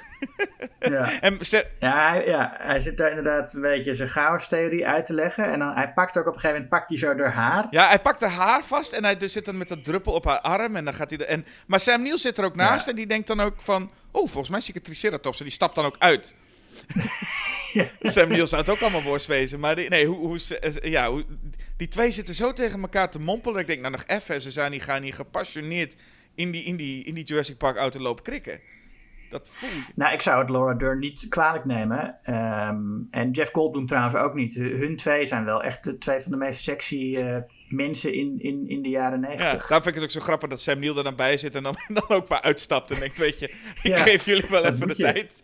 Ik ga even daarin. Ja, ja, sorry. Sam Neill die snapt ook. Uh, Ian Malcolm, daar kan ik niet uh, tegenop natuurlijk. Nee. En, en, en Dern en Goldblum kregen schijnbaar dus ook iets met elkaar na de, direct na de opnames. Dus het heeft geholpen. Ja, ja verbaasd me Nee, precies. Even, even een stukje RTL Boulevard tussendoor de podcast. Hè? Gewoon, ze hebben wat met elkaar gehad. Maar wat die Dr. Ian Malcolm zegt, daar moeten we het toch ook nog even over hebben. Zijn, zijn, chaos, uh, zijn chaos-theorie? Ja, nou ja, nee, vooral, nou, dat, is, dat is allemaal prima. Maar, maar wat hij zegt over waarom het zo dom is om, de, om die dino's te doen. Ik ben het daar gewoon echt niet mee eens. Ik vind helemaal, helemaal Dr. Hammond helemaal gelijk heeft. Of de, de dokter, hij is helemaal geen dokter. Oh ja, wel. Ja. Dr. Hammond helemaal gelijk heeft. Ja. Um, ja, je hebt gewoon de mogelijkheid om die dino's te maken. Uh, zoals uitgelegd wordt, dat is namelijk ook een, een prachtige vondst. Hè, dat ze dat, uh, het expositie, het uh, filmpje, waarin dan aan ons uitgelegd wordt hoe die beesten ontstaan zijn. Dat is gewoon een filmpje dat, dat de doelgroep van het park te zien zou moeten krijgen. Dus heb je meteen een excuus om het op een heel kinderlijk eenvoudig niveau uit te leggen. Ik vind het een hele fijne manier inderdaad, om het zo op die manier uit te leggen. Het geldt trouwens hetzelfde, is ook heel slim. Je hebt allemaal uh, merchandise, en dat is gewoon merchandise voor de film. Maar dat hebben ze ook in de film dan volgens verwerkt. Oh ja, ja dus dat is goed. Zijn maar, dingen, ja. ja. Uh, maar, maar goed, dat in, ik vind dus dat als je, dat als je die dinosaurus op die manier tot leven kan brengen, dan moet je dat gewoon doen. Uh, ik, ik heb echt daar geen enkele twijfel of moreel bezwaar bij dat je die beesten weer, uh, weer terugbrengt. Nou, maar dat is Ian Malcolm's punt, hè? Van dat, ja. je, moet je moet niet met die dieren. Uh, je moet er niet mee sollen. Nou, kijk, je moet die beesten natuurlijk wel goed behandelen. Je moet ze niet in kooitjes stoppen en zo. Je moet ze gewoon laten. Maar ik vind ja, absoluut moet je die terugbrengen. Um, maar het punt is ook dat ze, het zijn eigenlijk ook helemaal geen dinosaurussen. Want het zijn, het zijn delen van dinosaurussen, maar het zijn allemaal aangevuld met kikkers. En het, het heeft eigenlijk niet zoveel te maken met de dinosaurussen die er zoveel jaar geleden leefden. Ja, ja en, en Ian Malcolm zegt ook op een gegeven moment: ja, die dinosaurussen hebben hun kans gehad. En de natuur heeft ze geselecteerd voor uh, uitsterving. Ik denk ook, ja, kom op zeg. Er is een, een komeet op ze geland. Of een meteoor bedoel ik. Wat. wat, wat, uh, wat uh... Dan had die stegosaurus dat maar gewoon moeten overleven. Ja, ja. ja ik, vind het, ik vind het echt een beetje onzin wat hij allemaal vertelt. Dus hoewel uh, Jeff Goldblum absoluut heel sexy is, hoe hij ook met zijn shirt open ligt in dat, uh, op een gegeven moment, ja, weet hij mij niet te overtuigen. En blijf ik gewoon bij de uh, heel, hier heel, als heel naïef voorgestelde Dr. Hammond, dat hij helemaal gelijk heeft met zijn plan. Alleen, ja, nogmaals, hij had natuurlijk niet Dennis Nedry nee. moeten inhuren, dat is het. Nou, ik ben eigenlijk, ik ben, ik ben want er, zit, er wordt daar flink gediscussieerd. Ja, ik ben het toch vooral wel eens met de advocaat. Ik weet niet of je het standpunt van de advocaat uh, een beetje mee hebt gekregen. Dat, uh, dat, dat ze heel veel geld gaan verdienen? Ja, volgens mij is dat een beetje zijn statement, denk ja. ik. Dat is ook het eerste wat hij zegt als die dinosaurussen. Hè, dan heb je elk personage krijgt één zin. Ja. Dus ze zien die dinosaurussen voor het eerst. En dan zegt uh, Alan Grant zegt dan... Zie je wel, ze leefden in kuddes. Dat is ook het eerste wat je zegt als je die dino's ziet. En dan vervolgens zegt de advocaat meteen... Oh, we gaan hier heel rijk mee worden. En ja, ik weet de... ook niet waarom hij hier nou per se rijk van zou worden. Of heeft hij heeft toch geen aandelen in dat park? Ik, dat denk ik dan wel. Maar hmm. hij, hij is daar namens de verzekeringsmaatschappij, geloof ik. Oh, maar, nou oké. Okay. Nou ja, goed dus, vooruit. Maar in ieder geval, later zit hij aan die tafel en dan gaat hij, begint hij ook over... Ik wil, we kunnen wel 2000 of wel 10.000 per uh, ticket per dag vragen. Zo begint hij ook te praten. Hmm. Dus hij heeft er zeker wel, wel aandelen in. Nou, vooruit. Maar dat, dat hij dan zegt, dat zie je wel zijn leven in kuddes. Ik vind het heel gaaf dat hij dat soort dingen zegt. Want dat, dat is waar zijn passie ligt. Hij, hij, zit bij, hij is gewoon een wetenschapper die blij is om zijn ideeën ook bevestigd te zien. Ik vind trouwens, want je hebt het over wat... Kijk, uh, Laura Dern heeft die, heeft, die, heeft die blik onder de knie. Hmm. Uh, Sam Neill heeft die, die dramatische zinnen dus ook onder de knie. Yeah. Want dan is het inderdaad van ze leven in kuddes. Maar dan, als ze dan... Uh, we hebben de T-Rex. En dan draait hij zich gewoon en zegt hij... Hebben jullie een T-Rex? En later heeft hij dan dat, dat kleine Velociraptor babytje in zijn hand. En dan is het... Is dit een raptor? Dus hij, hij heeft de hele tijd zo'n zinnetje. Ja. Waarbij hij dan zo heel dramatisch kijkt met... En dat vind ik ook heel... Uh, dat is een van de leukste dingen aan Jurassic World Dominion... die ik niemand kan aanraden... is dat Sam Neill de hele tijd in die film rondloopt... met een soort vragende blik op zijn hoofd van... wat doe ik hier? een beetje zoals die hier in de auto zit met Laura Dern en Ian Malcolm... maar dan de hele film lang met... ja, ik, ik heb, waarom heb ik hier ja gezegd tegen deze film? En zo loopt hij dan rond. Ik denk dat ja, Sam Neill is daar uh, heel goed in, vind ik. Maar goed, jij noemde het al. Laten we ook even kijken naar wat uh, bijpersonen. Zoals Dennis Nedry. Ja. Hè? De, groot, de, de grote schurk. ja, de grote schurk van de film. Ja, en dat zie je aan alles. Hè. In het begin zit hij al flink eh, zich vol te vreten op een tropisch eiland. Ja, en dan komt eigenlijk een slechterik. Uh, weer een link nu naar, naar de, de, de, de, Jurassic World Dominion. De grote schurk van Jurassic Dominion zien we daar in die scène even lopen. Dodgen. Mhm. En ik weet dat hij Dodgen heet, want dat uh, herhaalt Wayne Knight een paar keer. ja, dat vind ik wel een leuk, leuk moment. Ja, dat vind ik ook wel leuk. Dat hij daar met die hoed komt en dat hij hem een beetje belachelijk maakt. Maar schijnbaar die Dodgen is dus nu in... werd dan, wordt nu wel door een andere acteur gespeeld. Deze acteur die schijnbaar hier speelt is... nou ja, veroordeeld voor seksueel misbruik van een 13-jarig meisje. Dus die oh. moest oh, vervangen worden. Die cancelcultuur ook van tegenwoordig. Maar goed, deze man. Uh, um, dat is dus een man die, die Dennis Nedry de, de taak geeft. Met, die, met, met zo'n leuke. Heet dat? Dat vind ik dan ook grappig. Laat hij zo'n uh, scheerschuimbus zien. Ja. En, en, en, en die Dennis Nedry, Wayne Knight, die gaat helemaal stuk als hij dat ziet. Gaat helemaal los. Oh, die vindt dat zo mooi. Die gaat helemaal ik heb nog nooit iemand zo fanatiek gezien, echt waar. Want dan schuift hij en dan draait hij zo rond. Dan gaat hij helemaal los en dan... Dat, nou ja, goed, ik, weet, ik weet niet. Um, ik vind het een hele fijne rol ook van Wayne Knight. Ja, het is heel, ja het is, hij doet dat leuk. Ja. Wat kun je erover zeggen? Hij doet, dat is een beetje zijn ding. Net zoals dat het personage van uh, Samuel Jackson uh, rookt. Ja, en hold on to your butts roept de hele tijd. hold on to your butts zegt en dan een, uh, een beetje, ja, uh, ja, er was uh, Samuel Jackson nog niet echt doorgebroken, geloof ik, daar, denk ik. Nee, het, was een jaar voor Pulp Fiction natuurlijk. Een, een kleine, wat niet zeggende rol. Want ik denk dat inderdaad Jackson misschien nog wel de, de, de bekendste acteur ongeveer zo ongeveer daar. Nu, ja, nu zeker. Nu, ja. ja. Dus. En wat vind je van de kinderen? Ja, ja. Die moeten er zijn, hè? Ja, nou ja, die moeten er zijn. Ja, en, en ze, ze, dienen vooral om Sam Neill een beetje een hart te geven natuurlijk. Dat eerst dat jongetje dat heel veel van dinosaurussen weet. Ja. Uh, dat hem loopt te irriteren.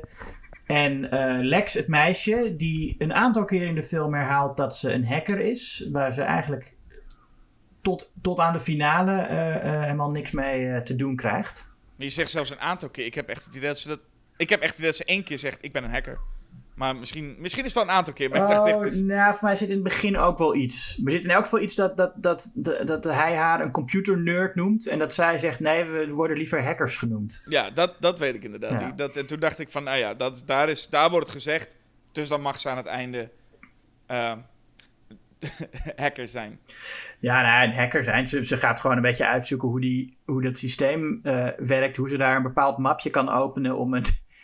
om, uh, om, het, om eh, de dingen te rebooten. En het grappige is aan die scène, we springen even helemaal naar het eind, dat je daar uh, zie je hoe ze toen het openen van een mapje op een computer filmisch interessant moesten maken. Ja. En het wordt dan een soort computerspel. maar de kinderen zelf aan zich, ja, het is. Kijk, Spielberg is er ook goed in om kinderen in gevaar te brengen. Ja. En dat is natuurlijk ook heel fijn. Ik bedoel, laten we even springen naar de meest, een van de meest memorabele scènes. De T-Rex. Ja, met, in, de, in de eerste met de T-Rex in de auto. Ja, dat is een moment waarbij we met die kinderen in de auto zitten. Nou ja, je kijkt deze film, je bent ongeveer de leeftijd van ofwel Lex ofwel Tim. Ja, dat is natuurlijk rete spannend. Ja, ontzettend. Ja, en ook voor, ja, omdat ze inderdaad eh, zo ontzettend kwetsbaar zijn ten opzichte van uh, dat gigantische monster. En um, ze, worden, ze raken ook alleen maar dieper in de put, zeg maar. Ze worden alleen maar, uh, alleen maar kwetsbaarder gemaakt. Ja, eerst gaat die advocaat, die, die, die, die peert hem. Ja. Um, en, en, en laat de deur wagenwijd openstaan. En dat is natuurlijk het, het, het vind ik ook mooi dat het opgebouwd is. Kijk, ten eerste even uh, bepaal, bepaalde dingen werken natuurlijk heel goed. Uh, geen muziek, echt geen enkele muziek. Mm -hmm. Dat is heel fijn we beginnen heel langzaam ook weer op te bouwen, zelfs binnen die scène. En je hebt dat bekende, natuurlijk die voetstappen, dat water uh, in dat glas, wat schijnbaar een van de moeilijkste effecten was om te, voor elkaar te krijgen. Oh ja. En dan die geit. En dat geitding was dus, de, er staat een geit en ineens is de geit weg.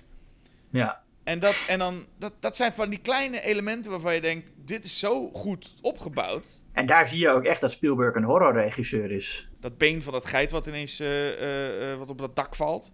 Van dat geit, ja. Van het geit. ja. En, en, en, die, uh, um, en dan die poot die, die van, van, de, van de, uh, de poot van de T-Rex die dan dat, uh, dat hek vastpakt. Waarbij je weet, dit staat eigenlijk onder stroom. Ja. En, eh, en, en zo wordt er langzaam naartoe gebouwd. Nou ja, en wat ik dus zei over dat camerawerk is... we zitten non-stop bij die kinderen in de auto. Ook als die T-Rex er is. Dus dan komt er zo'n grote kop voor dat raam. Ehm ja, reet spannende scène is dat ook. Ja, En heel ja, goed dat, uitgevoerd. dat, dat zijn inderdaad al die Spielberg-dingen die je nu in actiefilms willen heel veel regisseurs het nog spectaculairer hebben, waardoor ze inderdaad die camera eh, meteen eh, ha- be- hoog boven dat monster hangen en ook. En ik heb ook het idee dat mensen veel meer eh actie-held-momenten willen. Hè, dat in, in de films van nu dat echt al die personages een soort actieheld-momentje moeten krijgen. Maar eh, Jurassic Park is eigenlijk voor een actiefilm eh zitten er helemaal niet echt actieheldmomenten in. Iedereen is alleen maar op de vlucht aan het slaan. Nou, er is één moment dat, eh, dat Ian Malcolm, hè, onze grote Ja. held Jeff Goldblum, wil helpen. Door ook met die flare zo heen en weer te, te, te zwiepen. Maar dan Ja. vervolgens blijkt dat dat echt gewoon dom was om te doen.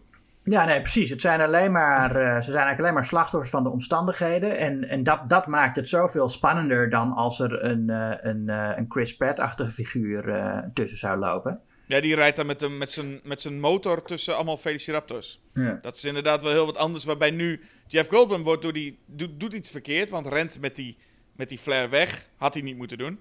En dan wordt hij ook neergemaaid. Waarna hij ook gewoon voor de rest van de tijd uit de film ligt. Want hij is gewoon gewond. En kan Nou, hij hij ligt niet uit de film. Hij zit daar heerlijk te chillen met zijn shirt open. Ja, ja, maar hij krijgt geen, überhaupt geen heldscène meer. Omdat hij gewoon eigenlijk alleen maar de hele tijd een soort gewonde is. Dus hij, en hij, het- hij is nou de, de LL Cool J in deze film. Hè? Hij was eigenlijk, zou hij doodgaan. Oh ja. Maar eh, ja, zo, ik bedoel, Jeff Goldblum, nee, dat kan niet. Hij moet blijven leven. Dus ja, dan krijgen we nu Jeff Goldblum die de hele tijd gewoon erbij ligt. Ik geloof dat hij in het boek gaat hij dan wel dood. En, en Dr. Hammond ook, als ik me niet vergis. Ja, Spielberg is wel van eh, boeken verfilmen en dan personages laten overleven. Want Richard Dreyfuss gaat in het boek van Jaws ook dood. maar Muldoon, die leeft in het boek nog. En Oh, die gaat in de film dood. Kijk. Ook een memorabele scène. Hm. Maar eh, ja, er zitten, er zitten er meerdere van dit soort. Er zitten echt een paar scènes in die heel memorabel zijn. Wat ik nog wel bij die T-Rex altijd heb. Ik heb ik me als jongs af aan altijd al afgevraagd. Want je hebt bij die T-Rex scène dus zo'n. zo'n dat die T-Rex komt en dat er zo'n geit zit en zo. En ineens is daar dus een afgrond. En ik heb dat echt nooit begrepen. Hoe die auto van die afgrond kan vallen. Terwijl je denkt, hè, maar dat was toch een. Die T-Rex is daar toch gewoon aankomen lopen? Ja, dat, dat, eh, dat, ja, daar heb ik geen antwoord op, Jasper. Dat viel mij inderdaad ook op. Nee, ja. Ja, als we dan toch hebben over rare, eh, eh, de rare fysieke wereld, dan is de grote vraag natuurlijk: hoe kan die T-Rex aan het einde dat gebouw stiekem door een achterdeurtje binnengeslopen zijn om die, om die Velociraptors te grazen te nemen? Ja, soms hoor je hem van mijlenver aankomen en dan gaat al het water in een glas gaat dan eh boem trillen. Ja. Maar soms kan die ook op zijn teentjes lopen. Ja, en we, we ze- we zeggen trouwens hij, het is natuurlijk een zij. eh, maar dan zie, je er, dan zie je er staan in dat, in dat gebouw. En dan zie je ook, ja, door welke deur is ze nou binnengekomen? Ze zit daar maar, zit daar maar vast in dat gebouw. Maar goed, dat is, dat is absoluut geen eh, kritiek op de film. Want eh, het moment dat ze verschijnt is een, is een prachtige verrassing. En Nou, en interessant dat de T-Rex ja. dus niet de grote schurk van de film eigenlijk is. nee, uiteindelijk wordt ze de held. De, de, de, maar de Velociraptors worden, eh, en ook al vrij vroeg, neergezet als dit zijn de schurken. Ja. Want deze zijn slim, en slim zijn ze. Maar deze zijn eh, eh, levensgevaarlijk, dat wordt er steeds gezegd. Eh, terwijl de T-Rex is gewoon, ja, dat, natuurlijk heb je die hele enge scène eh, met die kinderen. Maar daarna is de T-Rex veelal gewoon, gewoon, een, gewoon een monster. Gewoon een groot, groot beest. Ja. En de Velociraptors, dat zijn echt eh, dat zijn de klootzakken van, van de film. Ja. Ja. Maar eerst heb je nog een scène, wat misschien wel een van mijn favoriete scènes toch wel is. Is Dennis Nedry en de Dilophosaurus. Oh ja. Ja. En dit is het meest, ja, ook fictieve. Natuurlijk zijn al die dinosaurussen niet meer, niet, überhaupt waren ze dat misschien al niet. En nu al helemaal niet met de dingen die we nu weten over ze. Dat ze er niet zo uit hebben gezien, et cetera. Maar deze is het meest verzonnen. Deze Ja. dino spuugde waarschijnlijk helemaal niet met gif. En had helemaal niet zijn kraag. En maakte waarschijnlijk helemaal niet het geluid van een ratelslang, et cetera, et cetera. Maar ik vind dit wel echt een van de meest memorabele dino's. En eh scènes. Met Wayne Knight die hem eerst als hondje probeert weg te jagen. En dan dat hij in die auto verschijnt. Ja. Eh, Ook, ook weer echt horror. ja, echt horror inderdaad. En dat hij, dat, hij krijgt dat gif vol, die modder vol in zijn ogen. En, en die schreeuw van Wayne Knight daarna nog, dat die auto heen en weer gaat. Ik heb, dat is echt een, toen ik dit als kind zag, was dat een van de scènes die misschien nog het meest bij is gebleven. Die scène dat hij ineens in die auto uh, met die kraag daar verschijnt. Ja. Ja. En dan Ja, hoeft het dus helemaal niet eh, waarheidsgetrouw te zijn. Hè? Ik bedoel, die dino, die, die hebben ze volgens mij, zover ik weet, bijna volledig verzonnen. De naam klopt wel. En er is wel een dino die zo heet en een beetje zo uitzag. Maar Ja, en dan eh, trouwens, als we daar toch over hebben. Ze heet, het heet dan wel Jurassic Park. Maar de meeste van die dino's die leeft helemaal niet tijdens de Jura. nee, Maar tijdens het krijt. ja. En ehm, dat, vind, dat vind ik wel altijd een heel gave gedachte trouwens. Dat dus de dinosaurussen die zijn er dan 165 miljoen jaar zijn ze er geweest. En ze zijn nu ongeveer 65 miljoen jaar uitgestorven. Mhm. En, ehm, maar er waren bij de dino's natuurlijk ook verschillende fases. Hè. Sommige dino's waren ook al lang uitgestorven voordat andere verschenen. Dus de, de Brontosaurus was al lang uitgestorven voordat de T-Rex verscheen. Ja. Dus voor de T-Rex was de Brontosaurus ook al miljoenen jaren geleden uitgestorven. Veel langer geleden dan nu voor ons de T-Rex uitgestorven is. ja, precies. Ja. Dat zijn leuke Dat is, ideeën. eh, ja, en in, in al die miljoenen jaren hebben ze dus helemaal geen één film gemaakt. Nee, Die dinosaurus. Of een, of een boek geschreven of wat dan ook. iets, iets achtergelaten waardoor we nu zien van, ach, zo ja, was het dan dus. zijn wij toch wel eh, beter. Ja, wij laten dingen achter zoals Godzilla Ja. van Roland Emmerich. Dat kunnen ze... Ja. De Velociraptors zijn natuurlijk ook niet waarheidsgetrouw. Hè? Die, zijn, die waren, eh, nou, niet zo groot. En waren volgens mij vooral niet zo slim. Nee, zo slim zullen ze inderdaad niet geweest zijn. Nee. Want deze, deze dino's zijn bijna ook in staat om het te hacken. Ja, en, die, en ze springen naar je toe inderdaad. En op een gegeven moment, wat ook wel een ontzettend spannende scène is en ook een heel mooi shot, vind ik. Eh, ja, goed, het beroemde is natuurlijk dat, ze, dat die twee kinderen in die keuken zitten en op de vlucht slaan voor de, Mhm. de, de raptors. En allemaal trucjes verzinnen. Eh, dat is ook heel mooi gedaan trouwens. Dat, dat die raptor die communiceert naar die andere door met zijn nagel, of met haar nagel moet ik zeggen, op de grond te tikken. Ja. En dan zie je even later dat Lex, dat meisje, dat met een pollepel doet om ze in de war te brengen. Mhm. Nou, Eh, ja, dat, dat soort slimme dingetjes die dan inderdaad zo'n scène eh, eh, heel spannend en heel sterk maken. En, maar het shot wat, waar ik het meest van onder de indruk was, was het shot, dan zie je ze, dan, moet, dan kruipen ze weg door, hoe noem je dat? Door, het, door, dat door, door, door, door die buis die daarboven hangt. Hoe noem je Ja? dat nou? Waar ze in actiefilms altijd doorheen moeten kruipen. Luchtventilatie. Schaft. ventilatiesysteem of zo. En dan, nou ja, en dan zie je die raptors, die zien dan dat die, dat die platen bewegen. En die denken, ah, ze zijn eens aan het kruipen. Dat dat inderdaad een briljante gedachte is voor zo'n beest. en dan springt eentje zo omhoog. En dan schopt hij met zijn kop, eh, doet hij zo die plaat weg. En dan valt Lexi, of Lex heet ze gewoon, valt naar beneden. En dat is in één shot gedaan. Tenminste, het lijkt één shot. Maar als ze valt, is het nog een stuntvrouw. Maar daarna kijkt ze omhoog en dan is het gewoon het gezicht van eh, eh, Ar- Ariana Richards. Ja, en ik heb dat een paar keer teruggespoeld om te kijken waar nou de stiekeme knip zit. Maar er is, dus, er is dus geen stiekem knip. Is dat, Dat gewoon is- digitaal? Dat is dus CGI. En dat vind ik ook heel knap. Dat dat dus Fuck. met CGI gelukt is om het gezicht van haar. Eh, ik denk dat je dat tegenwoordig zelfs moeite zou hebben om dat er eh, geloofwaardig te doen. Nee, ik, ik dacht al dat dat kan nooit met CGI in die tijd zo gedaan zijn. Maar dat is dus wel. Daar is dus wel, voor dat shot hebben ze, hebben ze echt het gezicht van. Maar dat is inderdaad, ik ging er nu ook extra goed op letten. Ik denk, ik vind het een hele goede stunt, sowieso. Hm, ja. En heel spannend, hè? Want dat is echt zo'n moment dat je echt denkt: oh, die, die, die Velociraptor komt weer gauw omhoog, omhoog, omhoog. Ehm, maar dat is inderdaad dan ook nog eens een keer met CGI eh, dat gezicht erop geplakt. Ja, als, want ik, ik bedoel, ik, als je nou kijkt naar I, Tonya bijvoorbeeld, waarin ze dat gedaan hebben met, eh, hoe heet ze, eh, eh, eh, Margot Robbie, Ja. tijdens het kunstschaatsen, dat is totaal niet overtuigend. En dat ze Nou. dat dan hier, nou ja, ook, natuurlijk ook omdat deze scène een stuk donkerder is, dat is het ook. Ja. ja. En je in Aitonia ook niet afgeleid wordt door Velociraptors op de achtergrond. Nee, ook dat, ja. Ja, en, en, nee, en, en wat ik ook een mooi beeld vind van die Velociraptors is ook Muldoon, de, de, de grote jager. Die dan eh, eh, eigenlijk wat, dat, wat, wat Grant zegt in dat begin, hè, of met, tegen, dat, tegen dat jongetje wat hij zo bang aan het maken is. Mhm. Van eh, ja, je denkt dat ze dan van voren komen, dan ben je op gefocust en dan komen ze ineens van de zijkant. En dat is heel mooi hoe dat terugkomt bij die Muldoon, Ja. die heel erg gefocust is op die, die Velociraptor voor hem. En ineens, hè, bekende, bekende, bekende zin ook, clever girl, dat Ja. ineens die Velociraptor naast hem verschijnt. Ja. Ehm, ja, heel sterk ook. Ja, over, over dingen die terugkomen gesproken. Eh, als ze dan in, de, in die helikopter zitten en, eh, en Dr. Grant krijgt de gordels niet om. En dan zit hij met twee, twee verkeerde uiteinden van gordels zo tegen elkaar te prutten. En uiteindelijk legt hij er maar een knoop in. Ja. Eh, dat is natuurlijk uiteindelijk, ja, life finds a way. Weet je wel, hoe die, hoe die dinosaurussen zich kunnen voortplanten ondanks het feit dat het allemaal vrouwen zijn. Oh, daar heb ik nog nooit, nooit zo over nagedacht. Dat moet het zijn, toch? Ik bedoel, ja, het is een, zo leuk is die grap nou ook weer niet dat hij dat doet. Dus volgens mij is dat echt een verwijzing naar wat er later gaat komen. Oh, dat heb ik nog nooit zo over na... Maar goed, dat is ook... Ik zit ook bij deze film dat ik heel erg nog steeds in een soort van kindermodus nog steeds zit hoor. Ik, vond- ik vind het ook heel moeilijk om deze film dan bij wijze van spreken zo kritisch te bekijken. Omdat ik... Je, je gaat gewoon even weer terug in. Dus ik heb dit soort dingen, zou ik me nooit opgevallen zijn dat dat die betekenis heeft.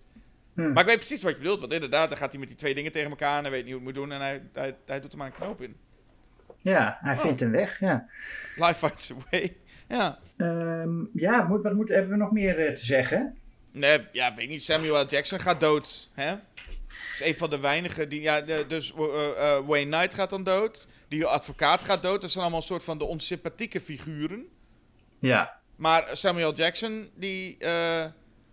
Ik weet ook niet of het heel verstandig was om de, de, de knoppen van het, om het park aan te krijgen. helemaal midden in het park te flikkeren ook trouwens. ja, Logistiek was dat ook niet echt een hele slimme zet. ja, Ehm, maar dan heb je wel dus dat Laura Dern dus op zoek gaat. Dan is Laura Dern eh, echt een beetje bang. En dan komt er een arm van, van, van Samuel Jackson keihard naar beneden geflikkerd. ja. En dan is ze ook ineens weer... dan is ze ineens weer gerustgesteld. Zo van, oh, ah, oh, Dr. Arnold. Alsof, zeg maar, word je echt gerustgesteld van een arm die van een behoorlijke hoogte op je schouder klettert. Dat je dan denkt, ah, gewoon Nou ja, zij, zij denkt natuurlijk dat het... Zij ziet die hand en denkt van, oh... Dat is iemand die zijn hand op mijn schouders legt. Dat is Ja. op zich... Maar Ja, het is inderdaad raar dat je dat... Nou ja, maar dat is ook weer zo'n horror cliché natuurlijk. Van mensen die een half uur blijven praten tegen iemand met, met- die met hun rug eh, naar ze toe zit. Voordat ze ontdekken dat diegene dood is. Precies, maar ik vind het ook een, het is een leuke, geinige gag. Maar ehm, ik denk Over ook Dean wel... Cundy gesproken. Dat is Ja. natuurlijk wat er in Halloween 2 eh, gebeurt. Als Michael Myers met zijn handen eh, die vrouwen gaat masseren, toch? Oh, met die, die, die, die, die vieze klauwen van, eh, van Michael Myers in haar mond Ja. gaat. Het zal een idee van Dean Cundy geweest zijn. Die heeft gezegd, hé, waarom doen we dit niet? Ja, Mensen weten toch niet van wie een hand is die ze achter zich voelen. zij die moeten er niet eh, ook, de, ook, ook zijn, zijn, zijn hand in haar mond doen of zo. Dat hij dat nog geopperd heeft. Ja. Oh, meneer Arnold, hm, wat fijn dat je er bent. Ja, hij had nog even langer door kunnen gaan. Ja. Ja. Maar toch, ik bedoel, een afgehakt... Ik, ik zie het bloed en een afgehakte eh, of afgebeten arm dan. Hm. Dat is toch... Het, ook dat is wel vrij eh, eh, heftig voor een kinderfilm dan. Nou ja, een kinderfilm is het ook niet. Maar het is inderdaad heftiger dan eh, regisseurs nu zouden... eh, verder dan regisseurs nu zouden gaan, denk ik ook. Ja, zeker. Ja. Verder dan Spielberg nu zou gaan. Dat sowieso. Ik bedoel, je, hebt- je, hebt, je hebt zijn, eh, zijn BFG gezien, toch? Ja, ja, ja. Nou, dan, dan weten we hoe ver Spielberg durft te gaan met het verhaal van Roald Dahl. Ja, nou ja, dat was ook wel op iets jonger publiek gericht dan deze natuurlijk. Maar eh, ja. Ja, oh ja, daarvoor wou ik nog zeggen, dat had ik ook genoteerd. eh, vet veel eten. Ze komen daar binnen en dan staat er opeens een heel buffet klaar. Ehm, ik weet niet wie heeft, wie, wie heeft dat neergezet. En, en waarom en voor wie. Die pu- nou, ja, waarschijnlijk heeft iemand sowieso die pudding neergezet. En dat is heel fijn, want dan kan dat lekker gaan trillen. Als je... Ja, maar dat staat, er, dat staat er dan gewoon een hele nacht zo open en bloot eh, te wachten of zo. Dat heeft hij me denk ik besteld. Maar is het nou zo, even, heb jij nu aantekeningen zo voor je? En er staat op één zin, staat gewoon vet veel eten. Ja, Dat is het. ja. Vind je wel leuk. Ja, dan weet ik, ik, ik weet dan meteen waar dat naar verwijst, omdat me dat deze keer opviel. Maar ik vind het nogmaals, wel leuk het beeld van hoe je dan, dan zit je zo'n film te kijken en dan schrijf je op een gegeven moment op, vet veel eten. Ja, ik heb het ook onderstreept. ja, ook nog eens extra belangrijk. Vet veel eten. Ik heb ook Hekstroom. Hekstroom, ja, is eh, oh, eh, hey, Godzilla en Jurassic Park, hè, twee films met Hekstroom. Ja, waar eh, Sam Neill eh, zo'n leuke grapje maakt met twee getraumatiseerde kinderen. Dat hij doet alsof hij onder stroom staat. En nou is het inderdaad een beetje de vraag of, want Tim komt onder stroom te staan. Mhm. Dus een beetje de vraag, hoe kan een kind het overleven? 10.000 volt. Maar uh, daar heb ik nog even Ja. naar gezocht zelfs, op online. Oh, van, kijk. kan, een, kan een kind dat overleven? Nou, Ik weet niet of dat heel goed is voor je Google search, eh, dat ik hier nu... Kan een kind 10.000 stroom overleven? Ehm, maar het, het is dus dat er wordt wel discussie van... De een zegt, nee, dat kan natuurlijk niet. En de ander zegt van, nee, maar hij, hij zou helemaal niet onder stroom moeten staan. Want hij is niet... eh, hoe noem je niet op de dat? grond. Hij is niet op de grond. Ja, hij is niet geaard, ja. Of Ja. wel ge- ja. Hij, is, hij is anders geaard. ja. Maar eh, ik weet het niet, dus. Ik, Ah. nog, nou, dus dat, ik heb het nu opgezocht, maar ik weet nog steeds niet of hij dit had kunnen overleven. Maar ik denk niet dat het zo was gegaan als het nu was gegaan. Maar wederom, en dat is Nee. een beetje het probleem, het, wel rete spannend. Hij hangt aan het hek, Ja, ja, ja. het ding, eh, lampje gaat, alarm gaat, ja. nou Ja, nee, eh. En, en, en kijk, als, eh, die dingen die ik opmerk van dingen die ik niet logisch vind, dat is natuurlijk ook eh, geen kritiek op de film. Laat ik dat, eh, laten we daar duidelijk over zijn. Eh, ik vind het gewoon grappig, maar dat, daar, wordt de film absoluut niet slechter van voor mij. ja, je wil de beste vette geen cinema sins eh, zijn. nee, precies. Eh, eh, maar ik vind het wel grappig om dat soort dingen op te merken. Maar ehm, ja, het is, het, het is een eh, behoorlijk goede film, vind ik. Ehm, het is inderdaad eh, ik, eh, ja, een, een, een, een spectaculaire en wonderbaarlijke en op momenten eh, eh, enge film. In ieder geval echt geregisseerd met een oog voor horror. En misschien is dat ook wel waarom het. En nogmaals, ik heb de nieuwe trilogie niet gezien, maar ik weet wel hoe die films ontvangen worden. Eh, en waarom het dan maar niet lukt om een echt geslaagde Jurassic Park. no- nog een geslaagde Jurassic Park film te maken.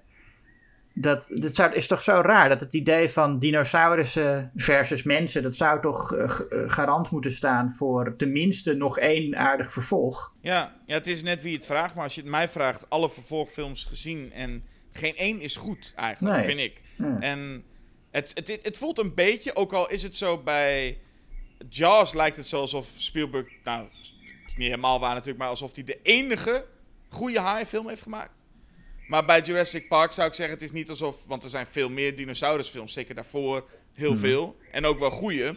Maar het lijkt nu bij Jurassic Park een beetje op alsof hij sindsdien, eh, ja, ook eigenlijk een beetje, nou ja, patent heeft op, nee, er kan geen goede dinosaurusfilm meer gemaakt worden na deze. Ja. Lijkt het nu.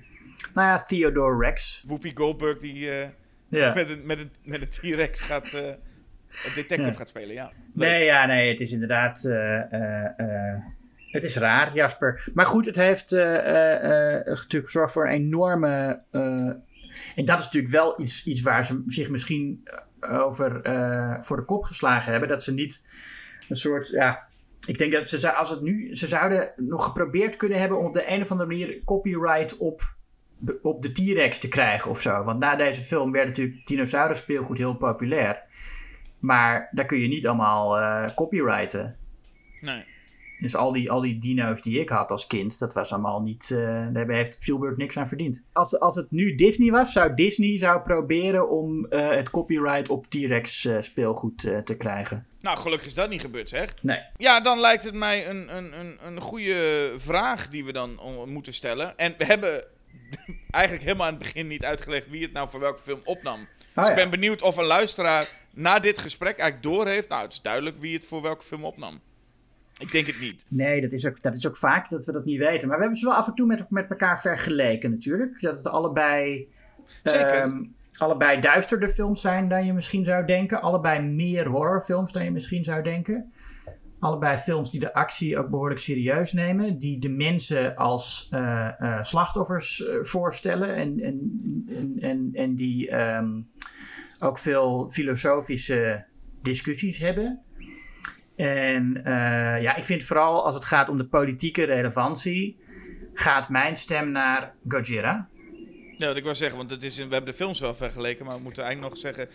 De, de, de podcast heet Julius versus Jasper. Ja, dus nee, van- daarom zeg ik bij deze. eh, Jij eh, zegt Godzilla en jij zegt vanwege de politieke eh, relevantie.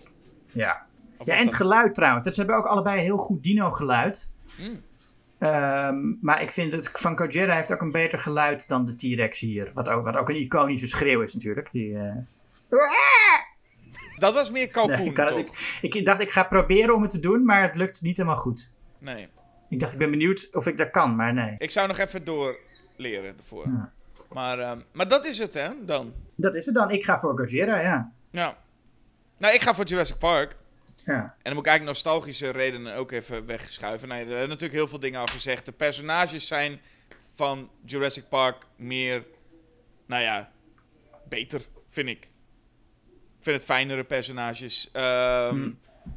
Maar wat ik vooral heb... Nee, trouwens, ik ga een andere argumenten gewoon bijpakken, denk ik. Weet je wat ik heb? Nou. Bij, eh, eh, ehm, bij Jurassic Park hebben we nu dus vijf vervolgen. En dat Ja. gaat van kwaad tot erger. En in het echt, Jurassic World Dominion is de slechtste van allemaal. Eh, dus het is heel jammer. Er is gewoon niks beters nog. Dus als ik Jurassic Park nu wegdoe, wat een beetje het concept is, nou, is niks over. Dat is troep. Nou is Ja. bij, bij Godzilla zo dat natuurlijk eh, eh, Godzilla heeft heel veel van die vervolgfilms gehad, waar het allemaal een beetje melig wordt en, en, en, en, en leven. Maar 2016 had je Shin Godzilla. En dat is een soort remake waarbij het weer een serieuze toon, ook met veel discussie, veel gesprekken. En die is wel echt enorm goed, vind ik. Ja. Ik vind Ja. het een hele fijne Ja. film. Dus ik heb een vervanger naast Roland Emmerich's Godzilla. Die heb je ook nog eens, dus dat is ook fijn. Weet je trouwens dat eh, dat monster, of ja, de Godzilla van Roland Emmerich, die zit dus ook in de Japanse reeks, hè, maar die wordt daar dan Zilla genoemd. Ja, die wordt dan, die wordt dan heel snel vernietigd of zo ja, door, eh, ja, precies. door de echte. Ja. Nee, klopt. Ehm, maar goed, dus ik, heb, dus ik heb wel een vervanger. Voor Godzilla is een vervanger. Een goede vervanger Ja. zelfs. En voor, Ja, eh, voor Jurassic Park niet. Dus die moet ik behouden. Al is het voor het kind in mij, moet ik het behouden. Ik kan het toch niet weggooien. Julius, Jurassic Park, kom op zeg.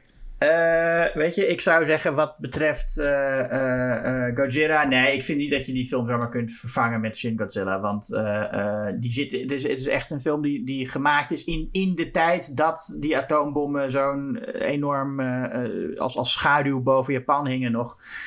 Ehm, ik vind niet, niet dat je dat kunt zeggen. En wat ja, Jurassic Park betreft, als die weggaat, dan, ja, dan kijk ik gewoon Jaws, wat ik een betere Spielberg monsterfilm vind. En ik, ik, geef, ik geef de beurt nu aan de, aan de luisteraar. Ik ook. Luisteraar, zeg het maar. Gojira, Godzilla, eh, of eh, just Jurassic Park. Wat zal het worden? Ja. Of Roland Emmerich's Godzilla. Die mag je ook kiezen, vind ik. Je mag kiezen wat je wil. Je mag kiezen wat je wil. Ehm, schrijf het op een briefkaart. En laat ook vooral een reactie achter waar je dit ook maar luistert. En geef indien mogelijk eh sterren ratings. En laat een review achter waar dat maar kan. En het allerbelangrijkste, abonneer je op onze podcast. En zeg het voort ook. Zeg eens tegen een vriend van je: hey, ken jij de podcast Jasper versus Julius? En dan zegt hij nee. En dan zeg je: hè? Nou, dan moet je echt naar luisteren. Dat lijkt me echt iets voor jou. Ik denk dat je dan zegt, dat ken ik niet. En dan zeg je, oh nee, dat komt omdat hij Julius versus Jasper heet. Hoe, wat zei ik? Jasper versus Julius. Ah ja, maar dat, ja, oké. Maar, maar goed, maar oké, dan, ja, nee, oké, oké. Ja, Google dat maar eens, dan vind je ons niet. Ja, dan vind je niks. Nee, oké, dan, moet je, dan moet je zeggen wat Jasper net zei. Ehm, maar dat moet je dus doen allemaal. En eh, eh, volgende eh, keer is er eerst weer een reguliere podcastaflevering. Oh. Jasper, ja. Ik zal nog niet zeggen met wie. Maar we gaan het hebben over seks. Ja, en eh, Jasper is er dan dus niet bij, helaas.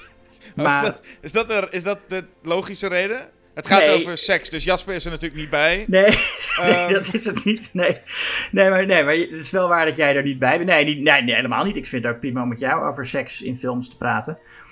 Maar eh, je bent er gewoon niet, toch? Nee, ik ben er gewoon niet. Nee, helaas. Nou ja, dat zal in het vervolg zal het vaker gebeuren dat of ik of Jasper bij de reguliere afleveringen afwezig ben. Maar dan hebben we wel leuke gasten En leuke onderwerpen. en leuke onderwerpen. En eh, dat, dat is dus het onderwerp van eh, aankomende aflevering. Maar wij komen wel weer terug. Ja, daarna heb je weer natuurlijk gewoon een Julius versus Jasper. Zo, en, en over welke films gaan we dan praten? Ja, ik dacht dat we nu maar eens wat, weer wat iets kleinere films moeten doen. Dat is ook wel geestig dat we eigenlijk nu een, een Gojira Jurassic Park doen. En dat het eigenlijk kleinere films zijn dan de vorige daarvoor. Ja, inderdaad. Eh, maar we gaan nu echt even weer wat kleiner. En eh, ik zeg, het wordt The Beyond tegen Zombie. Hartstikke leuk. Dat is toch leuk? Dat is leuk. Ja. Nou, veel, eh, veel plezier of zo. Dus ik zeg het nu even tegen de luisteraar, hè. Waar, hebben ze, waar moeten ze veel plezier mee hebben? Met het luisteren naar die aflevering in de toekomst. En ook veel plezier in het verleden. En tot de volgende keer. Doeg!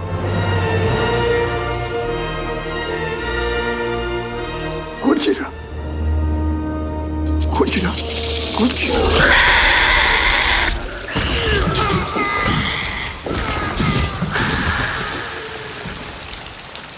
Hold on to your butts.